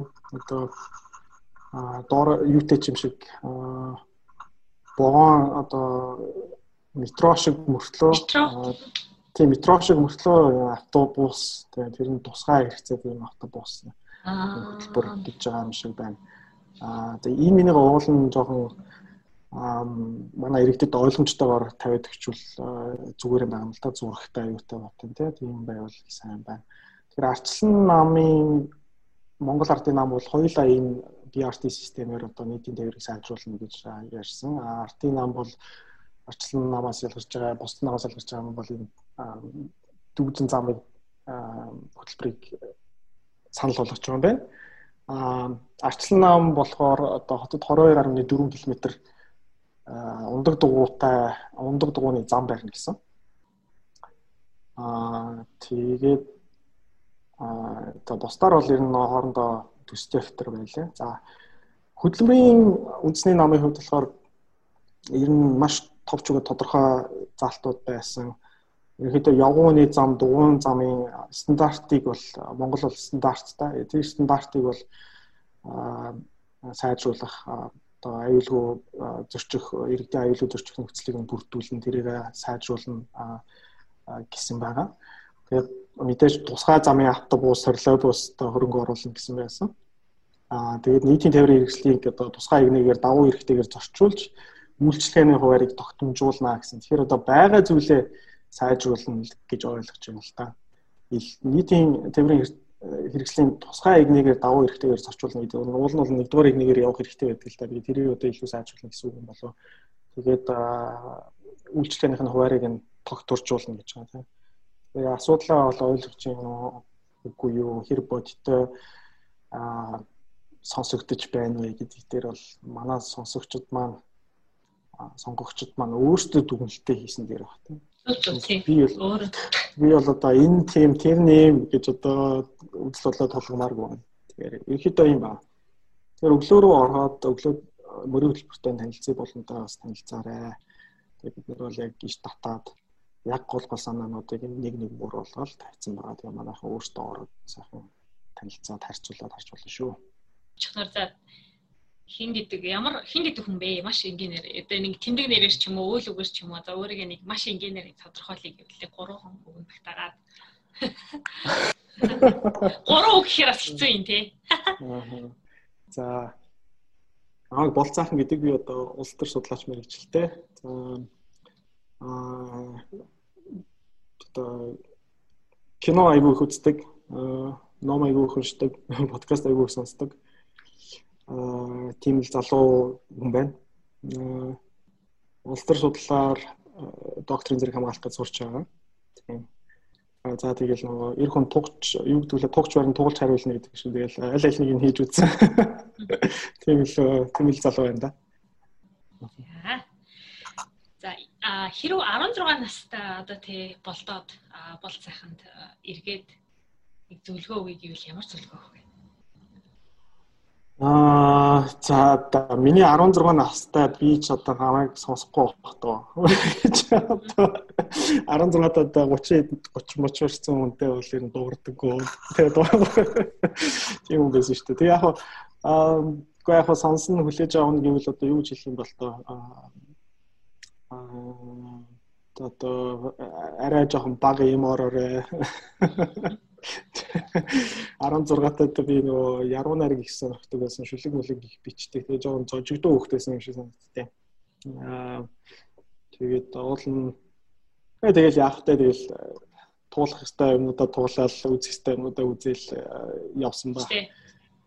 Тэгэл туулах хэвээр юмудаа үзээд үзэх хэвээр юмудаа үзэж явж яаш нөгөө амьдралын туршлага маань л намайг одоо ийм хүн болгосон учраас тийм.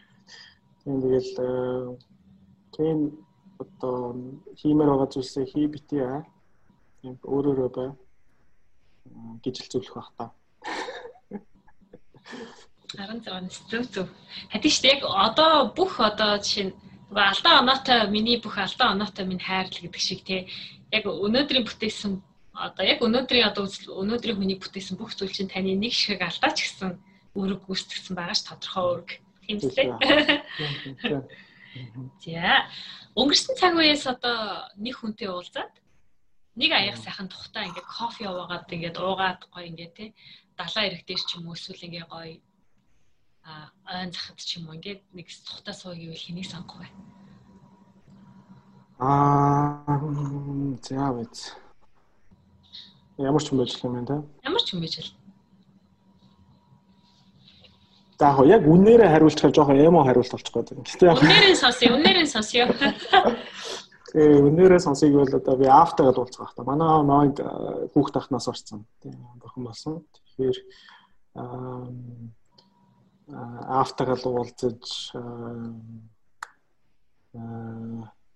уулзаж ярилцал их гоё байх бол гэж бодож штэ тийм их асуух асуулт хүүхд тахтаа ингээд автагаа уулзсан гэсэн ахиж асуух юм гэсэн одоо юу зөндөө юм асуух юмсан сорох юмсан гэх юмсан гэж аяг боддог байсан. Тэгэхээр одоо автаа болсон юм байна. Тэг. Аавсаа өндөр залуу болсон байх бах та тий. Одоо тийм байх та. Тэг би ихтэй бас ямар хуу юм байсан бараг мартчихэ. Би айгу 6 настай байсан байхгүй манай нас орох юм. Жохон юм шиг. Тийм тэгэл яах вэ? Тийм тэгж л бодож байна да. Ямар хүн хүнд асуулт асуудаг бэ гэхгүй. Энд чинь маш энгийн асуулт байна шүү дээ. Аа за за. Хүмүүс яг нэг жоохон философи асуулт хүнд байна гэдэг тааш байгаа шиг хүмүүс тэгээд идэв юм аа. Гэхдээ яг тэгэл нөгөө Линкольнтой уулзмаар байгаа би тийм уулзмаар ингээд тийм хариулт хэлүүл хэлээсэн л та. Тэгээд үнээрээ хариулах тийм л. Зөв. Аа баярлалаа үнээрээ хариулсан. За. Улс руус илүү чи бас иймэрхүү асуултуудад арай илүү бас сонирхолтой хариулаад идэв юм шүү. Тийм үү? Тоглосон шүү. Тоглосон шүү. За. Анх нөгөө нэг карава эхэлж байхдаа тий ажиллаа хийгээд карава эхэлж байхдаа хүн болгонд л ингээл залуу хүмүүс чинь жижигэн жижигэн алдаа гаргана бас жоохон ичих үе гарна штэ. Яг таны хувьд яг анх карьер эхэлж байхдаа өөрөөсөө ингээд иччихсэн тийм сонирхолтой ч юм уу хөгжилтэй төгөх байгаа хаваалцаач. Гэхдээ анх ч яг би одоо тэгэл байнга л иччихээд шүү дээ. Яг хөө сүүлийн нөгөө юу чаваас та нөгөө сонгуул сонгуулийн жил учраас нөгөө улс төр судлаачид манай эрэлт эрэлттэй л болчт юм байна л да. Тэгэл нэг байсгал нэг телевизээс ирэл өөрчлөг өгөөч ингэж тэгээч гээл хийгдэг. Тэгээд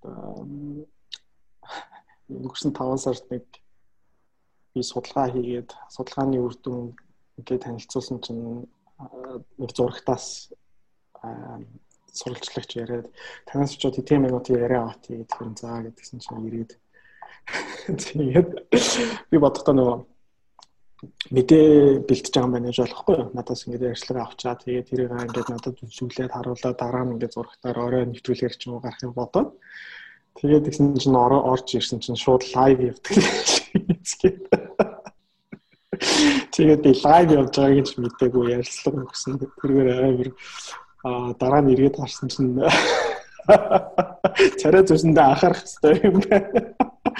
Гэдэг ч юм уу те айгу санаа зовсон. Тэгээд тэр санаанд орж байна. Яг бүр анх эхэлжсэн нь бодвол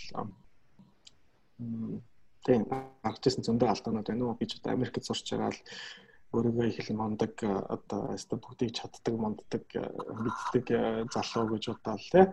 Өстө ирээд үзүүлээд өгнө олоод өгнө. Ингээл аа Монголд карьер эхэлжсэн. Анх банкнд ажиллаж орж исэн. Банкнд би ч тэгээд Америк яваад бараг 7 8 жил болоод тэндээ ажиллаж байгаад ирсэн учраас бүр нэг төсөөрчихсөн. Эстал нэг хүмүүсийн хэл дээр тэнгэрийн амтан болцсон. Болцсон байсан юм шиг байгаа. Тэгээд банкнд ажилд ороод зээл хийдийн засагчаар ажилласан. Тэгэл тэр тусмаа нөгөө 8% зээл дээр ипотекийн зээл дээр ажиллаж байсан ипотекийн зээл дээр ажиллахаар яг Монголын банкны салбар шиг сонирхолтой ажлууд идэв байлаа шүү дээ. Хүмүүсийн бүр зээл хүсээд орж иж байгаа хүмүүсийн амьдралыг нь тэр чигээр нь судалдаг. Эсвэл хөөе нууц нууц байхгүй битгүй юм байна. Гэрт нь амьдарч байгаа гэрт нь очиод зургийг аавн тий. Аа тэгэл тэр хүний одоо ажил, карьер, хувийн амьдрал гэр бүлийн амьдрал гэх бүх юмд нь утгалддаг, мэддэг, судалдаг тийм ажил байсан. Тэгээд их сонирхолтой гоё ажил хийжсэн л таа. Яг аа дөнгөж ирээд өстой төрөл бүрийн хүмүүстэй харьцдаг. Тэгэхээр тэр үед бол их эхлээд бол хэцүүлээд байсан. Би ч одоо нэг банкнд их л мундаг ажил хийх юм бодоод яваад дарсан чинь шууд хүмүүстэй харьцаж байгаа байхгүй тийм. Тэгээ тэрэндээ бол би харамсдаггүй тэр бол их гоё ажил байсан боддог. Одоо Тийм одоо өстө жинхэнэ хөрсөн дээрээ буух ажил байхгүй дэр чи хүмүүстэй шууд тулж ажиллана. Хүмүүс ямар амьдралтай байгааг нь одоо танилцсан тийм. 8%-аар одоо анхныхаа байрыг авах гээд явж байгаа гэр бол амьдарч байгаа хүмүүс төр хүртэл гэрт нь очоод одоо амьдарч байгаа орчин нөхцөл байдалтай танилцсан. Аа тэгээд тэр үнэхээр айгүй их тос болсон тийм ажил байсан. Тэгээд яг тэрэн дээр гарч ирсэн алдаа гэдгээр одоо нийтдээ юм. Одоо яг одоо толгоонд бол орохгүй юм. Гэтэ тийм хөлжүүлсэн тий болдог байсан байсан. Аа манай банкных нь намайг айгүй их нөгөө солонгос жүжигчэнтэй адилхан царайтай гэж жижи жижи бон жилүү гэж шоолдог байсан. Тэрийг нь би эхлээд аа тийм солонгос жүжигчин гэхээр аюу гоё царайлаг солонгос залуу жүжигчин байх гэж бодод байсан чинь дараа нь гуглдсан чинь нэг өвөө байд юм байна. Oh my god. Яа за тийм л. Яа яа чадчихна тий. Харин тий. Аа нэрээ юу чиний бодлоор Америкт амьдарч байхдаа Японд бас амьдарч ирсэн. Тэгээд яг Америкийн соёлоос ингээд а яг өөртөө чиний бодлоор нааж ингэж өөртөө ингэж уусгаж авсан зүйл чиний бодлоор юу гэдэг вэ? Яг ингэж суралцж юм тэгэхээр тэр соёлд нь уусаад суралцсан зүйл. Яг Монголоос анх нэг 10 жилээ төгсөөд Америкт очихдоо би аягүй ичимхий одоо introverted гэдэг юм уу дотогшоогоо тийм хөөхтэйсэн л та. Тэгээд анх очиод бүр соёлын шоконд орж исэн юм юу гэхээр хичээл танхимын хичээл цуун штэ хичээл хоор нөгөө Америк оюутнууд ч амар идэвхтэй өөртөө асар өндөр итгэлтэй. Тэгэл гараа өргөл багшийг яриулахгүй. Одоо та боломжтой болтох юм бол ингээл би би бодохдоо миний бодлого те I think гэл ингээл яриад байдаг. Тэгэл аа ч яг гайхдаг байсан. Йоо дугаа ачаасаа гэж. Тэгээ ярьж байгаа юм амар тэнэг санагддаг ч юм уу надад тий. Одоо жишээл би бол айгу тийм хичээдэг хард work юм байсан л да. Нөгөө текстбук мөнгө ингээд ар үргэн уншдаг, айгуу сайн нөөц явдаг. Тэгээд айгуу гэрхаа их юм уу айгуу хичээлээ сайн хийдэг. Тэгээд юмдаа бэлтэж бэлтэж ирчээд чимээгүй суугаад идэг. Гэтэл нөгөө Америк оюутнууд маань болохоор заримдаа ингэж ярьж байгаа юм сонсохоор obviously нөгөө гэрийн даалгавраа чигээгүй текст бүгдээ ч уншаагүй тийм юм бүртлүүл амар өөртөө итгэлтэй ингээд өөрийгөө илэрхийлдэг. Тэгээд тэр нь аюул надад сонирхолтой санагдсан юм байна. Тэгээд мэдээж надад нөлөөсөн баг л та. Энэ өөрийгөө нээх гэх юм уу жоох илэн далангуу байх, айж мэхгүй байх, хичгээ болох юм тэр талд бол нөлөөсөн гэж боддог. Дараа нь Японд очиод очсон чинь ер нь бол эсрэгээрээ л та. Тэнд бол одоо BB гэдээ орлоод идэг. Хүндээ өөргөө айл болохоор даруухан дууга байх хэвээр бусдыг хүндлэх хэвээр бусдын үзэл бодлыг эхлээд сонсох хэвээр тий. Айгуу тийм neutral төвийг сагсан байх хэвээр politically correct байх хэвээр ахантаа хүндлэх хэвээр senpai гэдэг шүү дээ. Senpai-га хүндлэх хэвээр гэдэг ч юм. Ийм нийгмийн хэв хэмжээтэй. Тэг айгуу тэгэхээр одоо нөгөө э, соёлын хоёр талтай айл айл нэг юм. Сонирхолтойсэн тий.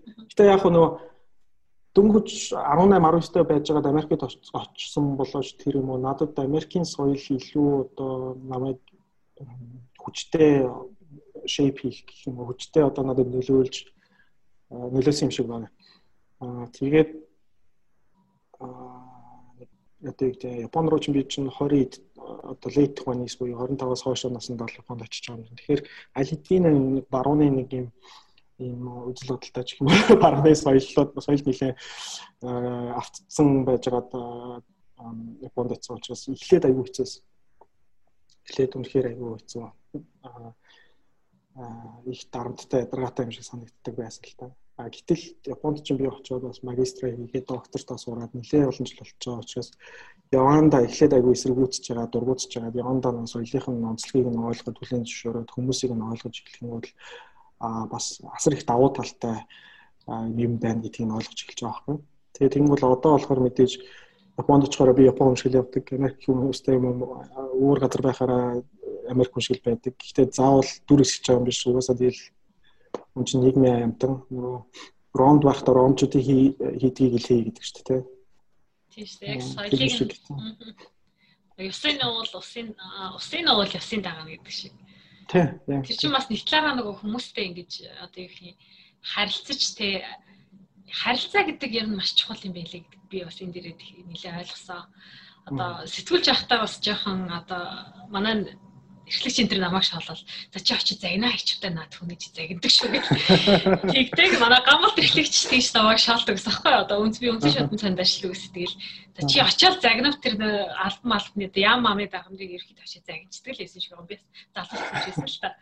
Тэгээд яг бид нар чинь өөрөг даалгавартай юм чинь нөгөө нэг бүтэн нүүр ингээд оногдсон. Тэрийг одоо дүүргэх ёстой. Надаас өөрхөн байхгүй хийж дүүргэхгүй тэр нүрийг. Тэгэхээр чи тэр өөрөг даалгавраа нэг өдрийн дотор биелүүлэхэд тул тэр чинь ингээл явна үсттэй. Тийм л байсан л та ер нь маш ихтэй сонирхолтой тийм. Аа за. За таны хувьд аз жаргал гэж юу вэ? Яг том том юм ярьж болно. Гэхдээ маш энгийн нэртэй зүгээр л ингээм мэдэрч болох аз жаргалыг энгийнээр сэтгэл хандлуун байдал аз жаргалыг та юу гэж ойлгодог вэ? За цаад жаргал гэж юу юм бэ гэж би харин наад сэдвэр чинь айгүйх боддог л да өөрөө айгүйх юм уншдаг тэгээд эмордог гэж юу нь зүгээр байж чаддаггүй тэгэл зав олдвол подкаст сонсдог. Тэгээ сүүлийн нэг сонсож байгаа подкастуудын маань нэг нь болохоор Лори Лори Санчес билүү тэрний доктор Лори Санчес баха Yale их сургуулийн багш багшийн хийдэг the happiness lab гэдэг аа хамгийн нөгөө ад жаргалын талаар шинжилгээ ухаан яг юу гэж хэлдэг вэ гэдэг талаар аюу ойлгомжтой хөрх хөрх подкастууд хийдэг. Тэгээд эндээс аюу их сурч байна. Тэгээд ер нь аа яг хөдөл ингээд intellectually хүн бодвол за хаз жаргал гэж юу вүлээ гэд ингээд бодохоор нэг хариулт гарна. За тэнгуудлаа яг өөрөө би хизээ хаз жаргалтай байдаг үлээ гэж бодохоор арай нэг өөр хариултч гарах юм шиг тийм яг нь intellectually ярих юм бол хүн ер нь шинжлэх ухаанч дээр бас буддизм айгүй юу тайлбарладаг шүү дээ. Ер нь хүн нөгөө байгаа зүйлдээ сэтгэл хангалуун байх гэж хэлээд байна шүү дээ. Аа хит шуналтай байх, хит амбицтай байх, дандаа ингээд ирээдүг харж санаа зовж тэгээ ямар нэгэн нийтлээ матч амьдрах бол өөрөө хизээч хүнийг аз жаргалтай байлгадаггүй гэж одоо шинжлэх ухаан бол хэлж байгаа буддизм ч бас ингэж зааж идэг. Гэтэл тэгээд орчин цагт ч одоо тэгээд огч шуналгүй амьдрах шунал гэдэг нь одоо юу гэдэг нь би зөв утгаар хэлж байгаа шүү тийм тэмүүлэлгүй хүсэл эрмэлзэлгүй амбицгүй амьдрын гэдэг шиг утгагүй зүйлс байхгүй болчиход байна. Гэтэ тэр нь итерхээрээ бас хүн дандаа өөрийгөө бусдтай харьцуулдаг болчих гоод байдаг. Тэгээ бусдад харьцуулна гэдэг чинь чи хизээч сэтгэл хангалуун байх боломжгүй л гэсэн үг шүү дээ. Яа тэгэхээр хүн өндөрлөгтөн ч одоо зүүн чинь хэдэн тэрбум хүн байгаа лээ те. Өөрөөс чинь илүү хүн дандаа гарч ирнэ. Тэгэхээр та дандаа өөрийгөө болно гэсэн үг те. Аливаа зүйлийг ингээд яг чин сэтгэлээсээ хийгээд хамаг зүйлээ зориулаад хийгээд тэрнийхээ үр дүнг үзэхэр аа их гоё байдаг. Аа тэгээ би нэг утга учиртай юм хийж энэ да гэж бодох ч юм уу тийм. Аа тэр аюул чухал юм шиг байна. Дуртай зүйлээ хийх би бол одоо нөгөө түрүү хэлсэн шүү дээ а тогч барьсан тоглож хариулсан гэдэг. Дуртай ч юм аа хийж явлаа, дургуй ч юм аа хийж явлаа. Тэгэхээр а хүн дуртай зүйлээ passionate зүйлээ хийгээд явж ивэл буцаагаад өөрт нь айгүй их юм өгдөг. Сэтгэл хангамж ханамж ихтэй байдаг. Тийм л юм болов гэж бодож байна. Хизээ хамгийн сүүлд яг тэр мэдрэмжийг мэдэрсэн бай. Яг сэтгэл хангалуун одоо улс төр судлаар э, би чинь сурч байгаа. Яг дуртай сэдвэрээ сурч байгаа. Дуртай зүйлээ хийж байгаа. Тэгээд мэдээж э, ярьж байгаа хэлж байгаа юм а залуучуудыг одоо аа улс төрийн итэх оролцоонд нэмэр болж гин гэж бодохоор их гоё идэг л та. Тийм үнэхээр л э, одоо үнэхээр л дуртай одоо passionate байгаа учраас ярьдаг хийдэг.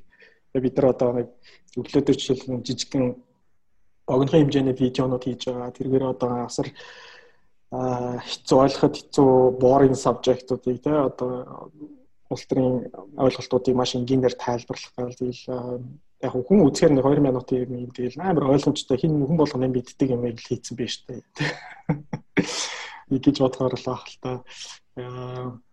Тэгээ амар сонирхолтой boring юм байна. Энэ чинь маш энгийн угаасаа л бүгд мэдж байгаа мэж яхад ингээд тайлбарлаад байгаа ингэж одоо бодож магадгүй. Гэтэл аа нөгөө 18-аас 25 насны бүр улс төрийн талаар төвч мэдгүй ямар ч ойлголтгүй бүр тийм хүмүүс зориулж хийж байгаа юм. Тэгээд тэрийн хүмүүст зориулаад маш энгийнээр ойлгомжтой болгохын тулд мэдээж боддог, төлөвлөдөг. За за энийг одоо яаж тайлбарлах уу гэд нэлээ их бодож хийж байгаа. Тэгээд тэрийг хийгээд мэдээж хүмүүст хүрж байгаа аа буцаагаад нэг ч болтгой хүнийг нөөс төр сонирхолтой болгож байгаа бол тэрнээс л их кайф авдаг гэх юм уу. Авж байгаа болов одоо нэг хүнийг болтгой нөлөөлж чадж байгаа байхаа гэж найдаал кайф аваад байдаг шүү дээ. Тэрнээс яг нөлөөлөд байгаа уу гэж санагдахгүй шүү дээ. Хурлын сонгуулиор бол сая гэхдээ дүн өсч гарсан шүү. Яаж ч гэсэн. Тэр бас тодорхой хэмжээгээр бол нөлөө гарсан гэж бодож байгаа. Тэгээд тэрийг энэ ажлыг хийж байгаад бол маш их одоо одоо уна чатын зүгээс бол бид бас хамтарч ажиллах ч юм уу дэмжих бүрэн боломжтой. Миний хувьд бол хувь хүнийхээ зүгээс ч гэсэн би одоо үнэхээр бас талархаж бүр хүлээж авч байгаа хгүй бас. Миний хувьд бол маш зөв юм хийж байгаа. Тэгээ барахаж байгаа шүү. Тэгээд энэ дээр би бас заашгүй хэлэх хэрэгтэй л та мэдээж өглөө төслийг болохоор улсын хурлын сонгуул дээр бол зориг сан тэгээд UB password гэдэг маркетингийн эйженси гэдэг чинь хамтарч хийсэн зориг санд бол зориг сангийн гүйцэтгэх цагтлаар тухайд ажиллаж байсан Марлмаа гэдэг өсгөө байгаа. Маш идэвхтэй энэ төслийг бол ахалж одоо хариуцаж ажиллаж байсан. Би бол зөвлөхөөр ажиллаж байсан шүү.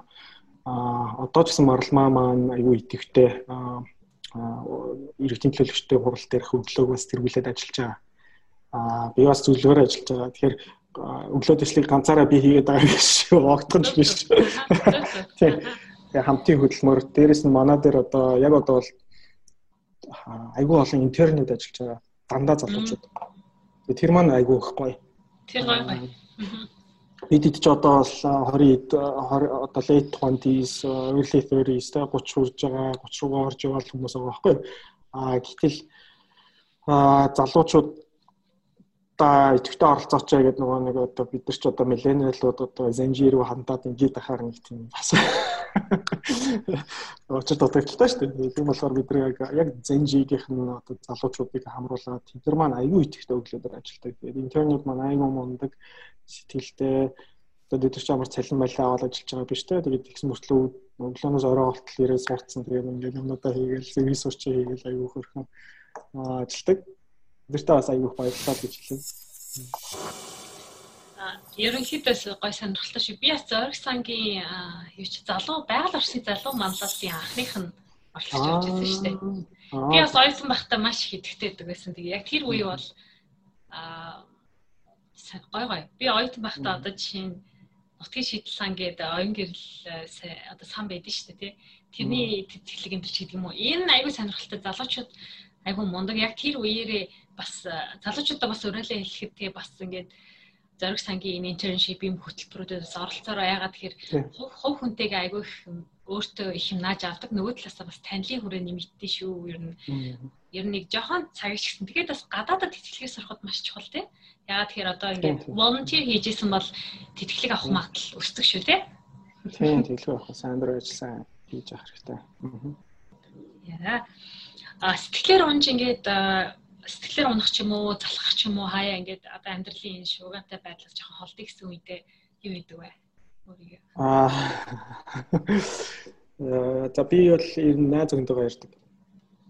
Аа. Манай найз охин чим баг л одоо мэрэгчлээ сэтгэл судлаач болж байгаа шүү гэж надаас болоод байхгүй. Аа тийм.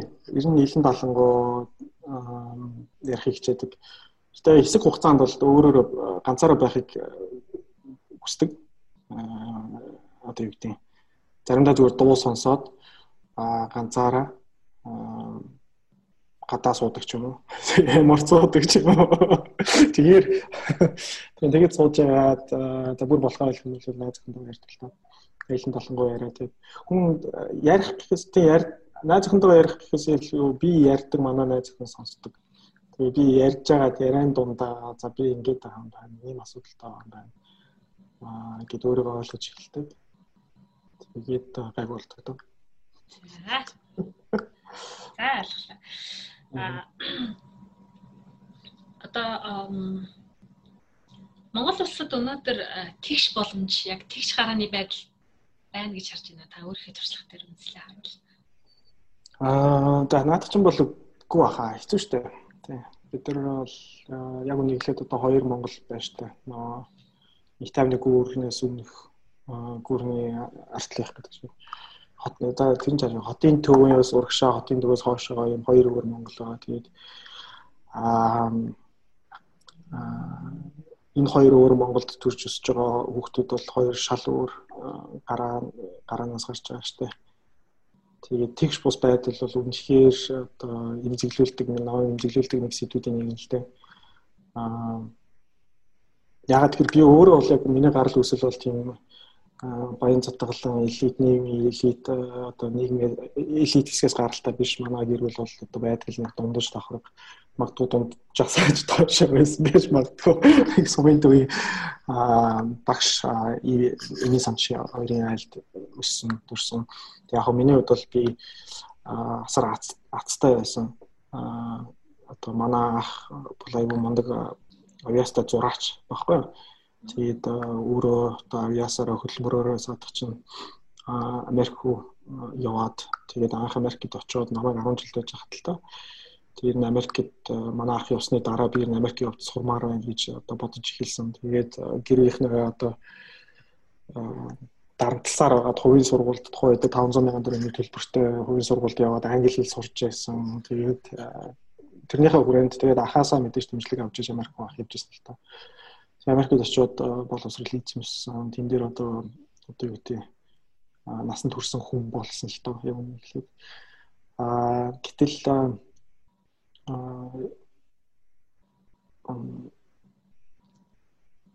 буцаж ирчээд би сая нутгаараа буцаад очиход бол ингээл надтай нөгөө нэг хүүхэд байхад найзалж ирсэн найзууд маань яг л хിവэрэл байж ах чинь тийм. Тэгэхээр зүгээр л би азтай л байсан байна гэдгийг харж байгаа. За яг би ч яг а намайг хүүхэд байснаас хойш бол одоо нийгмийн ялгаа, баян хоосны ялгаа гэх юм. Тэр бол одоо илүү өссөн л гэж би бол хардаг. а одоо тэр үед чинь намайг сурч байхад хамгийн өндөр өртөгтэй, зардалтай, төлбөртэй, өндөр төлбөртэй 10 жилийн сургууль чинь ямар сургууль байлаа? Төрх Монгол байсан баха. Үсрээл нэг тийм бах тэр бид нар чинь үсрээл нэг 2 сая, сая мая төгрөгийн төлбөртэй байсан санагдчихээн тэр үед л одоо тэгэхэд ингээд за нэр дуртаад яах вэ? Тийм ийм сургуулиуд байж штэ. Бид нар ч одоо сарын биш жилийн 40 мянган долларын төлбөртэй л гэх юм. Аа тэгээд одоо Монголд байтугай дэлхийн одоо хэмжээнд ярихад асар өндөр төлбөртэй ийм сургуулиудад одоо зарим нэгэн хүүхдүүдэд явуулж байна. Тэгээд тэнд одоо эзэмшиж байгаа боловсрол, боловсролын төвшин, боломжууд энэ хотын захын дөрвүүдэд байгаа гэр оролт байгаа боловсролоо эзэмших тэр боломжуудтай харьцуулбал бүр тэнгэр газар шиг ялгаатай болчихсон байна. Аа тэгэхээр айгүй зилжлээ авдаг юм л да. Аа тэгээд тийм тэгэхээр одоо нэгсэнд шууд хэлэхэд бол тийм тэгш гарааны боломж бол байхгүй. Байхгүй. Асар том ялгаа байна бий болгохын талаар гэхдээ бид өөрсдөө саналаа өгөөрэй гэж хэлэх гээд. Тийм тийм тийм. Тэгээд түрүүн хэлсэн шүү дээ нөгөө төлөөллийн зарчим гэдэг чинь одоо нэг бас нэг юм зөвлөж явдаг юм юу л да яг үнийг хэлээд элсэг хурлын сонгуулиарч гэсэн ажиглагдчих бас одоо гэр оролын а тойргуудад нэр дэвшиж байгаа хүмүүс нь өөрөө тэр гэр оролд амьдарч үзээгүй. Адлаад одоо модон журланд төвтэй ороод бие засч чадахгүй шууд зэрлэгдэг аа нөгөө сонгогч айлдаа ороод э, зэрлэхгүйгээр одоо аяг цаа очиж чадахгүй. Аа тийм одоо тэнгэрийн амьтдал твшээл яваад байсан шүү дээ. Бүгдээ л тиймэр байсан шүү дээ. Тэгэхээр гэдгийг заавал тийм байх хэрэгтэй мөн хэр үгүүлтэй зүгээр яг би юу гэж хэлэх гээд байгаа гэхээр аа тэр хүмүүсийн амьдралын одоо нөхцөл байдлыг биеэрээ биш юм ахад одоо ямар нэгэн байдлаар мэдэрсэн, ойлгосон тэдний төлөө санаа зовдөг. Аа тийм хүн л үнэхээр сэтгэл гаргаж одоо өөрийн сонгосон хүмүүсийн амьдралыг сайжруулах гэдэг ажил шүү дээ. Тийм хүмүүс тэгш бус байдал. Тийм. Тийм байж л одоо тэгш бус байдлын эсрэг ажиллана шүү дээ. Гэтэл дөрвөн жилдээ нэг удаа одоо өөрөө тэ хаанч амьдэртийн аварт харшинд амьдэрдэг хүүхэд нь одоо тийм 40 сая долларын сургуульд явдаг. бүр шал өөр одоо юу хаашаа Америкт амьдраад Америкийн сайтны амьдралаар амьдарч байгаа мөртлөө яаж одоо тэ хотын төвөөс хойтлын хүмүүсийн амьдралыг сайжруулах уу гэдэг дээр санаа зовох уу гэхээр санаа зов за зовж болно гэсэн. Гэхдээ би тэрэн дээр л жоох итгэл муутай л байдаг. Тэглээгээд аа одоо юу гэдэг. Гэтэ айгүй хэцүү асуудал та. Одоо тэгэхээр одоо гэр оролын асуудлыг зөвхөн гэр оролд амьдардаг хүн шийднэ гэж хэлж байгаа юм биш гол нь тэднийг одоо амьдралыг ойлгодог нөхцөл байдлыг мэдчихэж байгаа. Дээрээс нь шийдэх чадвартай байх хэрэгтэй. Тэгэхээр боловсрол бас чухал болоод ирж байгаа юм л да. Ганцхан сэтгэл бас биш. Айл хэлний чухал болж тараад байгаа. Баг багаар өөрчлөлтүүдийг хийгээ тий. Баг багаар одоо нэг удаа ч гэсэн нэг э, одоо нэг амьдралыг одоо яг тий бодит байдлыг мэдэх одоо болдог бол баг тухайн одоо орчинд амьдардаг хүний сонгодог шүү дээ тий Уул нь бол тэгж бодсон тийм. Тийм байдаг бол баг дээр ахгүй хэлээрээ тийм. Одоо би миний ярих одоо дуртай жишээ бол юу Барак Обама шүү дээ. Тийм яг Обама дургу хүмүүс байдаг л бах тийм. Гэхдээ яг дуртай өнө дургу өнө хамаагүй ер нь бол айгүй мундаг улс төрч. Ягаад мундаг улс төрч юм гэхээр өөрөө Хавайд төрсэн мэссэн тийм. Ээж нь болон өсөн төрсэн өөрийг нь боожулсан гэр бүл нь цагаан арьстай одоо middle classтай middle class American гэдэг бол айгүй боломжийн амьдралтай шүү дээ. Гайгүй дажгүй амьдралтай тийм нөхцөл байдал төссөн. Аа тэгсэн мөртлөө өөр өнгөд арчтай тийм хүн байсан. Тэгээд улс төрд орохоор болоод шийдснийхаа дараа за Харвардыг төгснөхийн дараа манай хүн анхны хийсэн ажил нь Чикаго руу явсан тийм. Чикаго хотын South Side гэдэг одоо манайхаар бол одоо хаанах чинь тийм. Тэгээ одоо бараг л гэр ороолоос аимшигын газар тэгээ тийм дандаа буудлагатай, буудалцаантай хүн амт мөчөөдөг ядуу ядуу хүн ам айгуу ядуу асар хэцүү газар болсон байгаа байхгүй. Тэгээ Харвардыг төгссөн мөртлөө одоо тийм нэг газар үнэтэй а том корпорацийн хуульч хийгээд одоо асар их мөнгө хийгээд явах боломжтой байтал хүн улс төрд явах гэж байгаа учраас би а хүмүүсийн амьдралыг яг газар дээр нь очиж би өөрөө шийдэж тэ нэг хэсэг нь болж явж мэдэрч ингэж ажилламаар байна гэдэг тэнд очиж ажилласан байгаа. Тэгээ community organizer уу Монголоор бол одоо нийгмийн ажилтны гэсэн үг л тийм. Нийгмийн ажилтны хийн гэдэг бол тэнд байгаа хүмүүсийг ажилтаа болгох одоо domestic violence гэж ярьдаг гэр бүлийн хүчирхийллээ сэргийлэх одоо юу гэдэг нь те сургууль хүүхдүүдийг нь оруулах их мэтлэг яг амьдрал дээр нь тулж ажилласан байгаа байхгүй. Тэгээд тэндээ амьдраад тэндээс хүн улс төрийнхөө гарааг хийгээд одоо дэше дэшегээ шат шат дахиад ингэж явсан байна. Тэр уул нь болдог бол манай улс төрчд маань үнэхээр үнэхээр чи сайн улс төрч мундаг улс төрч болмоор байгаа бол хүмүүсийн амьдралд одоо эрэг нөлөөлөл үзүүлмээр байгаа бол асуудал байгаа газар нь очиод амьдралтаа л гэж хэлмээр байна. Асуудал байгаа газар нь амьдраад тэндээ байгаа иргэдийнхээ амьдралтай танилцаад үзчих. Тэгээд тэгэх юм бол ихтгэл дүрш магадгүй. Тийм шүү. Тэр ялцчихв. Яг одоо жишээ нь ингэж хэлмээр байгаа байхгүй. Зайсанд ингээд одоо маш гоё тансаг тийм зайсны байрууд үнэтэй шүү дээ. Үнэтэй нэг юм харшид амьдрангуудаа үнэтэй байранд амьдрангуудаа тэгэн гутаа яг түрүүний хилдэг жишээ та одоо гэр хорооллын одоо яамгийн эцч гэдэг юм уу одоо баян шин эцч гэдэг юм амьдарч байгаа тэр хүний зүгээр гэрт нь ороод цайгийг нуучдахгүй эсвэл яг тэр хүний зовлон гэдэг тэр хоёр хүний өөр өөрийн зовлонтой. Гэхдээ тэр хоёр хүний яг үзэж тулсан юм бол шал өөр байгаа шүү дээ тий. Амьдралын орчин нөхцөл байдал. Тэгэхээр тэрийг ойлгох хүн ойлгоно ойлгохгүй байгаа болохоор магадгүй биднэрт ингээд авилгалч юм уу? Одоо энэ байдлуудаас нэлийн ужиграад иж бас байхыг үүсэхгүй нэг талаараа миний бодлоор бол. Тийм. За. Шинэ үеийн ингээд залуу хүнд байх хэвээр хоёул залуучуудын талаар бас нэлээд ярьж байна. Тэгэхээр яг залуу хүнд байх хэвээр ингээд гурван одоо чадварыг та нэрлэе гэвэл юу гэж хэлэх вэ? Аа за миний хувьд бол хамгийн түрүүнд англи хэлтэй байх хэрэгтэй.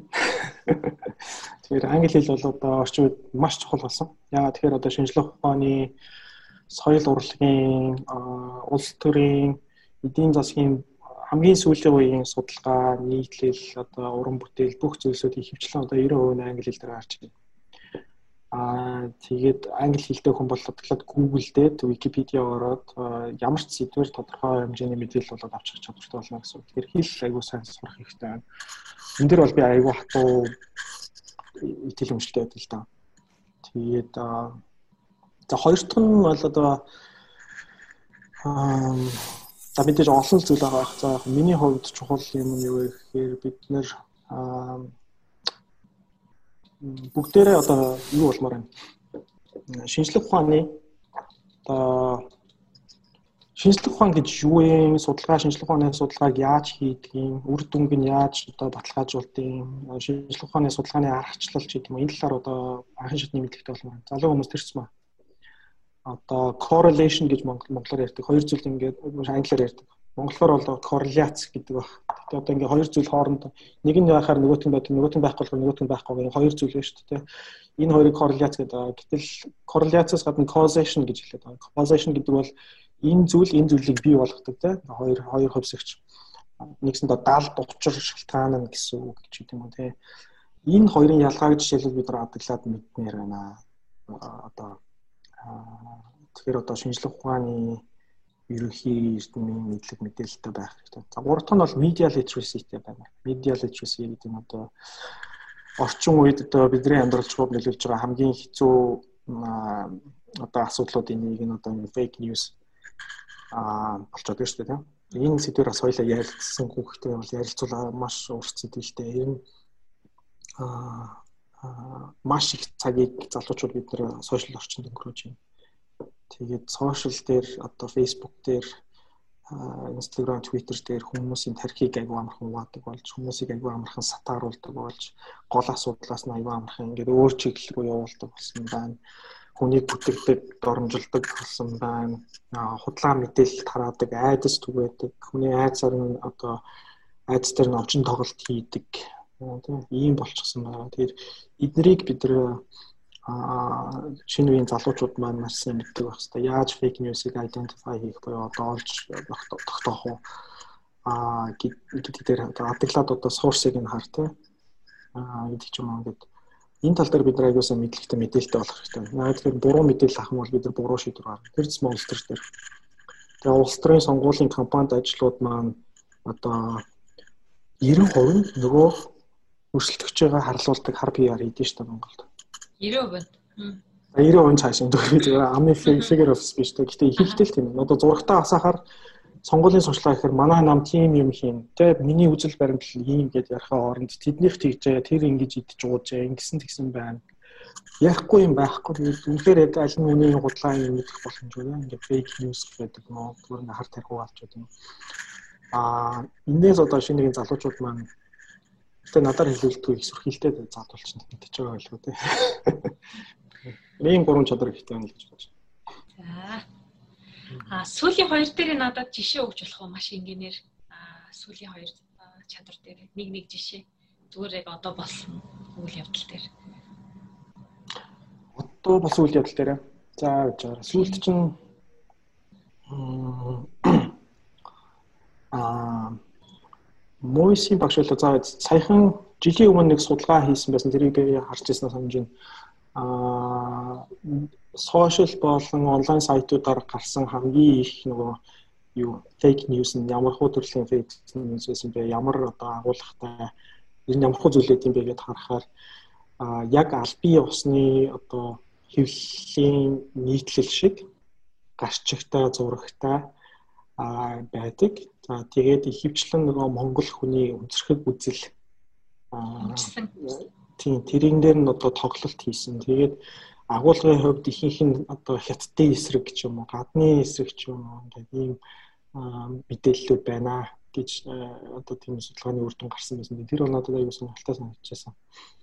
Аа тэгэл ер нь л нөгөө фейк ньюсүүд чинь хүний эмоцн дээр тоглох байдаг. Сэтгэл хөдлөл төр Яг нэг жижиг нэг жижиг нэг сэтгэл хөдлөлийг ингэж клик болгож оруулж ирээл те. Яг ямар ч байж болно. Тийм тэгээд ихэвчлэн одоо ихэвчлэн хүмүүсийг хооронд нь хагаралтуулах, зарим нэг хүнийг бус руу одоо турхих а иймэрхүү зүйл дээр бол фейк ньюс айгүйх амжилттай байдаг юм шиг байна. Тэгээд жишээ дуртвал тийм байна. Аа тэгэхээр бид нар энэ одоо энэ сайн мэдлэг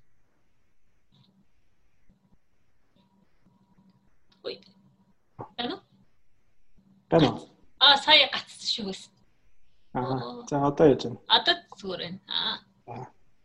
Sorry. Сайн мэдлэгтэй байхгүй бол гэдгээс яг сайн тийм тэгээ бид нар одоо фейк ньюсийн талаар сайн мэдлэгтэй дээрээс нь альва зүйлд skeptical буюу үл итгэх байдлаар үл итгэх байдлаар хин цаашаа тэг юу гэдэг юм яаж орчуулдаг одоо одоо яг баримтын шалгаад дахиад нэг өөр өнцгийн өнцгөөс нь бас харж үзэж болох юм тийм одоо жишээ. За энэ өнцгөөс ингэж хэлсэн байна. Тэрэн дээр одоо шууд итгээл манай нэг бас нэг үндсийн нэг онцлог байна нэг жоохон тийм манай монголчуудыг би нэг судлаа нэг хүний бичтэй хаанахын гэдгийг санахгүй нь гэхдээ тийм сэтгэл хөдлөл айгу өндөртөө. Одоо юу чи нөгөө нэг байгалийн одоо оноос хамаарат ч юм уу ерөөхдөө шийдвэр гаргах одоо нэг талаараа бол монгол хүний нөгөө хувьсан одоо тасан давших чадвар өндөр. Гэхдээ нөгөө талд бас ингээ нөгөө сэтгэл хөдлөө удирдах чадвар гэж байгаа шүү дээ. Одоо нөгөө тэр тал дээр бас хитрхи ингэж шууд автахгүйгээр тий ялангуяа залуучууд ч юм уу. Одоо хинч ээж болно ер нь альч насны хүмүүс дээр. Харин тий би наад нийтлэлийг ч бас уншижсэн юм шиг байна. Одоо жишээ жишээ дурдах юм бол нөгөө цагаар муудаал байдал биштэй л үнэхээр гамшигын юм болоод ирэх юм бол монгол хүн нүүдэлчин учраас дээр үед л бушуухан л хөдлөхгүй бол тэгэл алддаг гэсэн юм шүү дээ тий.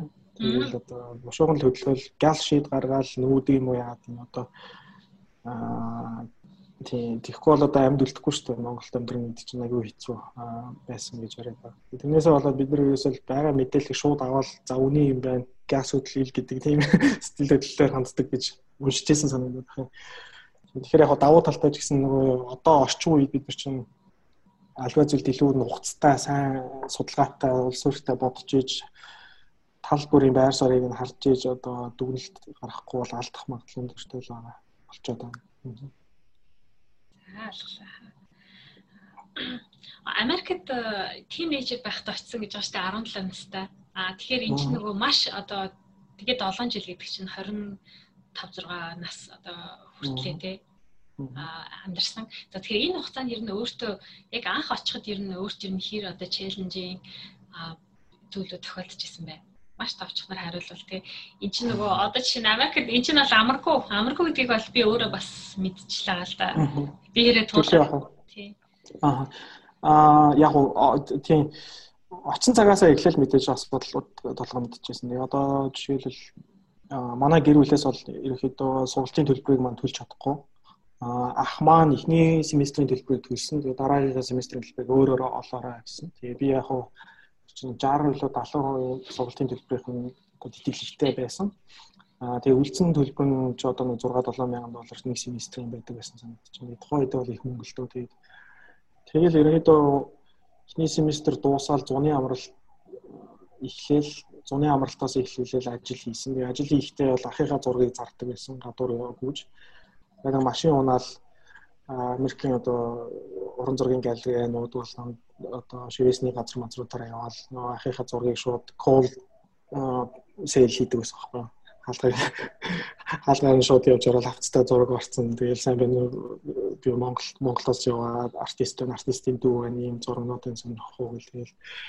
Тэгээ тэр бол мэдээж нөгөө би өөрөө хийсэн шүү дээ. Анх одоо нөгөө нэлээ ичмхий тийм Монгол тинейжер байж байгаа гэрээс анхудаага хол яваал тэгээд танихгүй газар танихгүй улсад очичоод аа муж муж дамжаад машинтай оноо унжин яваал тэгэл хүмүүс төр очил юм зарах гал явна гэдэг бол нэг бодлын айгүй хэцүү л байсан тийм тэр үед чинь Эсэн бусын юм үзчихсэн да. Аваар хийжсэн, дээрэмдүүлжсэн. Тэгээд аа тэгтээ яг хөө тэгээд 4 жил сурахтаа одоо нэг ч амралтаараа зүгээр сууж үзсэн. Америкийн 3 4 тоошсон аа сургалтын төлбөрийг бол төлждөг байсан. Тийм тэгэхээр аа тэг их юм үзсэн. Их сонирхолтой байсан. Тэгээд одоо эргэж бодохоор Америкийн нөгөө би ч яг нөгөө түүхээр сурч байсан болохоор Америкийн түүхийн хичээлүүдийг үздэг. Америкийн иргэний иргэний дайны үе, тэрний дараах одоо сэргийн бохирдлын үе гэдэг а тэр үеийн түүхт аягүй дуртай байсан. Тэгээд хар хайртай хүмүүсийн одоо боолчлын түүх, тэдний эрхчлөөнийхөө тэмцэжсэн тэр тэмцэл тэрний түүхийн талаар бол үнэхээр одоо тэр түүхэнд аягүй дуртай байсан. Тэгээд аягүй хичээлүүд үздэг. Тэгээд дээрэс нь нөгөө нэг амралтаараа ингээд машин бариад явахаар чинь Америкийн тэр тэгш бус байдал одоо нийгэмд болж байгаа болон болохгүй байгаа зүйлүүдийг бүгдээр ингээд биежилт харддаг л та. Аамгийн гайхалтай юм ингээд амар баян ингээд ор тарштай үнэхээр ингээд бүр ингээд цэв цэвэрхэн гудамжтай нов ногоон байгууламжтай ийм гоё газараа машин барайл явж байгаа л гэрлэн тохоо гараад нөгөө талынхан гудамжинд очиход одоо гето гэж хэлдэг шүү дээ бүр ядуу аа тийм бүр эсрэг тесрэг ийм ертөнц хүртэл байж исэн харагдчихсан. Зарим газар очиор үнэхээр гоё гоё хотууд хүмүүс нь хүртэл өөр зарим газар очиор янз янз тийм би одоо бүр аюу тийм racist хүмүүстэй хүртэл одоо харж исэн. Аа тийм тэгэхээр сайн ч хүмүүстэй таарлаж исэн, муу ч хүмүүстэй таарлаж исэн. Энэ Америкт бол үнэхээр тийм ийм том яваад яваад дуустдаггүй. Тэгээд дотроо бүр ингээд үнэхээр diverse гэж хэлдэг шүү дээ. Үнэхээр өөр өөр одоо онцлогтой ийм газар юм байна гэдгийг нь гэдэг надад одоо эргээд бодохоор хамгийн их юм үлдээсэн болов. Аа. Яг Америкаас ингээд нэг гурван газар энд энд л очиж айлж үзэрэй гэсэн нэг гурван газрыг бас хэлээ хэлээд өгөөч.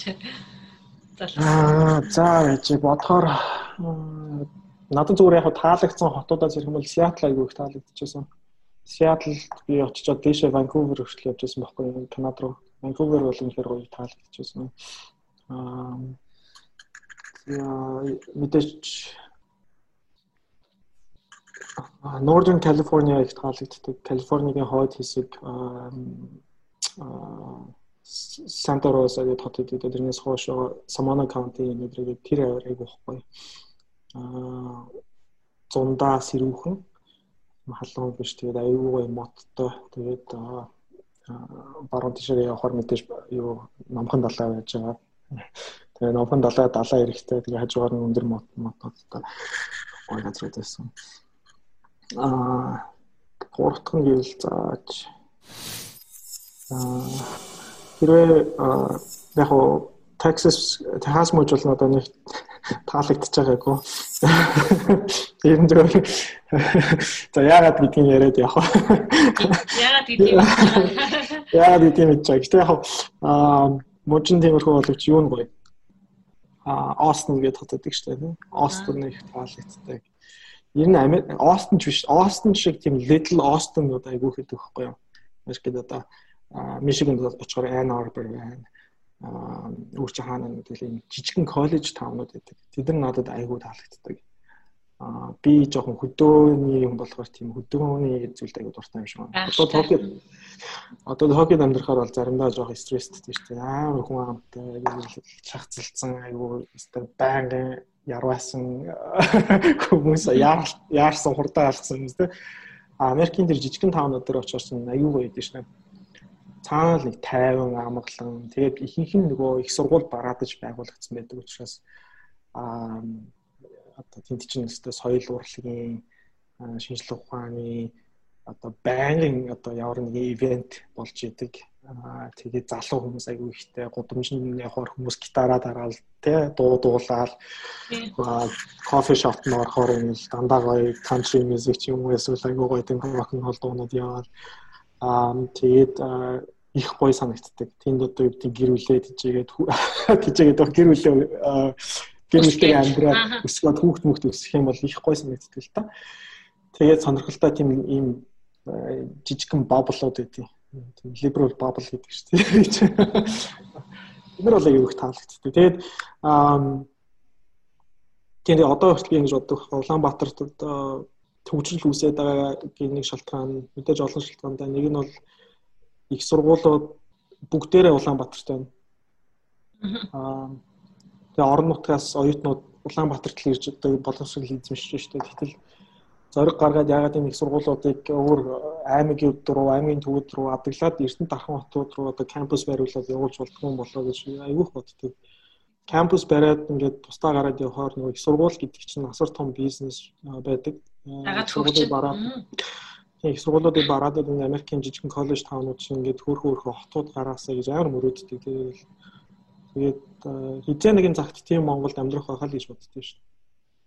Зөв зөв тэр тэр үнэн шүү. Одоо би нэг олон газруудаар явж амжаагүй л юм. Гэхдээ би илээд одоо 4 жил амьдарч байгаа байхгүй. Тэгээд илээ бол надад бол сонирхолтой санагдав. Би өөрөө бас нөгөө арт бас нэлийн дуртай. Одоо уран зургийн галерей бол миний энд хамгийн их очдог газрууд яг сүүл зарим нь бол их нь бол өнгөө. Тэгээд а илээ бол айгу зүгээр айгу хүнтэй тэгээд сонирхолтой. Гэхдээ сая нөгөө евро дэнүрлөө нэг 20 давах удаага явж үзсэн. Тэгсэн чинь жижигхэн юм дэнүрээ юм жижигхэн нөгөө юм аа шал өөр сонирхолтой юм билий. Би яг эле шиг зөвхөн элегээр төсөлж бол угаасаа Калифорниагаар одоо одоо Америкийг төсөж угаасаа болохгүй шүү дээ. Би яг эндээс хэрэг явахаасаа буцах одоо энэ шиг явахаасаа өмнө ч юм уу бас жижигхэн одоо ингээд Бостон руу би очиж аяг хөсдөг байхгүй. Бостон ягаад ч нөгөө хөгжмийн сургуулиуд байдаг. Тэгээд надад тэр нь бас гоё ах гэж одоо тэгээд бусад бас боломжоор бас жижигэн жижигэн тийм хотууд руу явж үзмээр байгаа. Чиний хувьд бол айгүй гоё сонирхолтой тийм. Тэр чинь бол бас нэг талаараа маш гоё дурсамж биш үү? Ингээд одоо машина бариад ингээд тойроод явсан биш үү тэр бол надад бол үнэхээр гоё санагдчихээн тэр бол. Яа. За хамгийн сүүлийн нэг хоёр асуулт байна. Тэгээд ерөнхийдөө хоёлаа дуусч байна да. За залуустай хандаад яг өөрийнхөө ашигладаг нэг гурван шиг хэрэгтэй одоо аппликейшн ч юм уу? Аппликейшн байвал хэлээч. Аа за за. Би ч одоо аа мэдээж Instagram, Facebook, Twitter гурыг бол дуртаад хэрэггүй байх бүгд байгаа. Юу надад хамгийн их таалагдтал лээ. Сүүлийн үед чинь яг подкаст утасны аппликейшн гэхгүй юм байна шүү дээ. Аа компьютер юу нэг хийж болно тийм. Аа би өөрөө бас нөгөө 54 кофе гэдэг улс төрийн подкаст подкастыг гурван найзтайгаа хамтарч хийдэг байсан. Төр завсралцсан байгаа. Дээрээс нь подкаст подкаст гэдэг бас нэг подкаст эхлүүлээд хоёр анги хийгээд төр завсралцсан байгаа. Заахгүй учраас аа тэгээд подкаст хийж явахдаа хийх процесс доо нөгөө Audacity гэдэг програм гэдэг рекорд хийдэг. Тэрийг ашигладаг. Тэгээд хэрвээ залуучууд маань подкаст хийх сонирхолтой байгаа бол Audacity-гээс туршаад үзээрэй. Тэгээд аюу ойлгомжтой хэрэглэхэд амархан тийм аппликейшн байдаг шүү. Аа гурвыг санал болгоё. За нэг нь тэр байна. Нөгөөх нь аа за подкаст гэдэг тэр нөгөө нэг юу Android дээр бол Google Podcast, Apple дээр бол Apple Podcast гэдэг юу аппликейшн байгаа. Тэрийг бас хэрэглэж үзээрэй. Тэр бол байж идэв. Аа за гуравт нь энэ Anchor гэдэг юу Anchor гэдэг аппликейшн гар утасны аппликейшн байдаг. За подкаст хийж байгаа хүмүүст одоо хамгийн энгийнээр үн төлбөргүй байдлаар одоо бусад бүх подкастыг тавьдаг юм аутлет руу үнэгүй хөрвүүлж болдог юм аппликейшн байгаа шүү. Anchor гэдэг сонирхоод үзээрэй. 30 настай шүү дээ тий.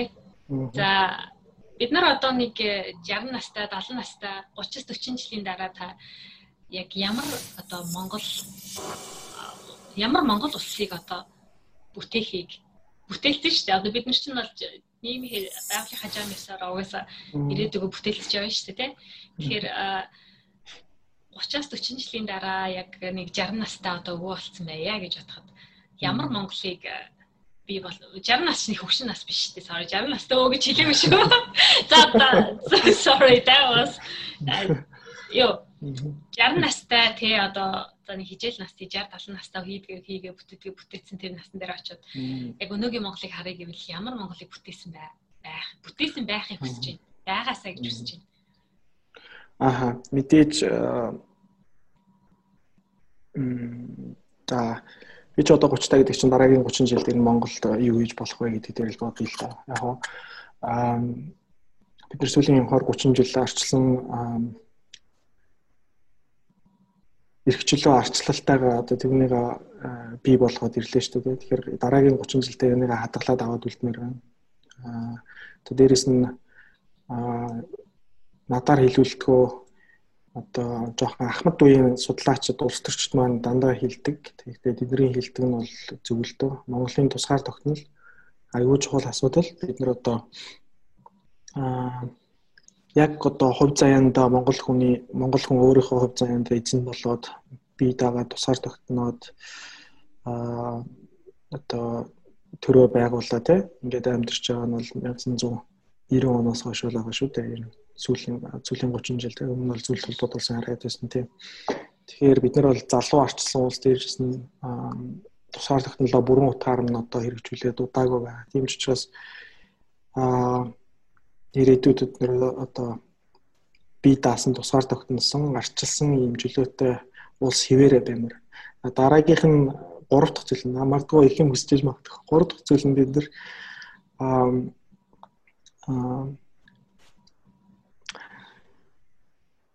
яг үнийг хэд бид нар айгүй хөгжингүү хөгжингүү гэж хэлж байгаа гэсэн бид нар ядуу буураа хийв шүү дээ. Тэгээд бүс нутагт тийм бүс нутагтаа бид нар одоо хол тасарч чад байна.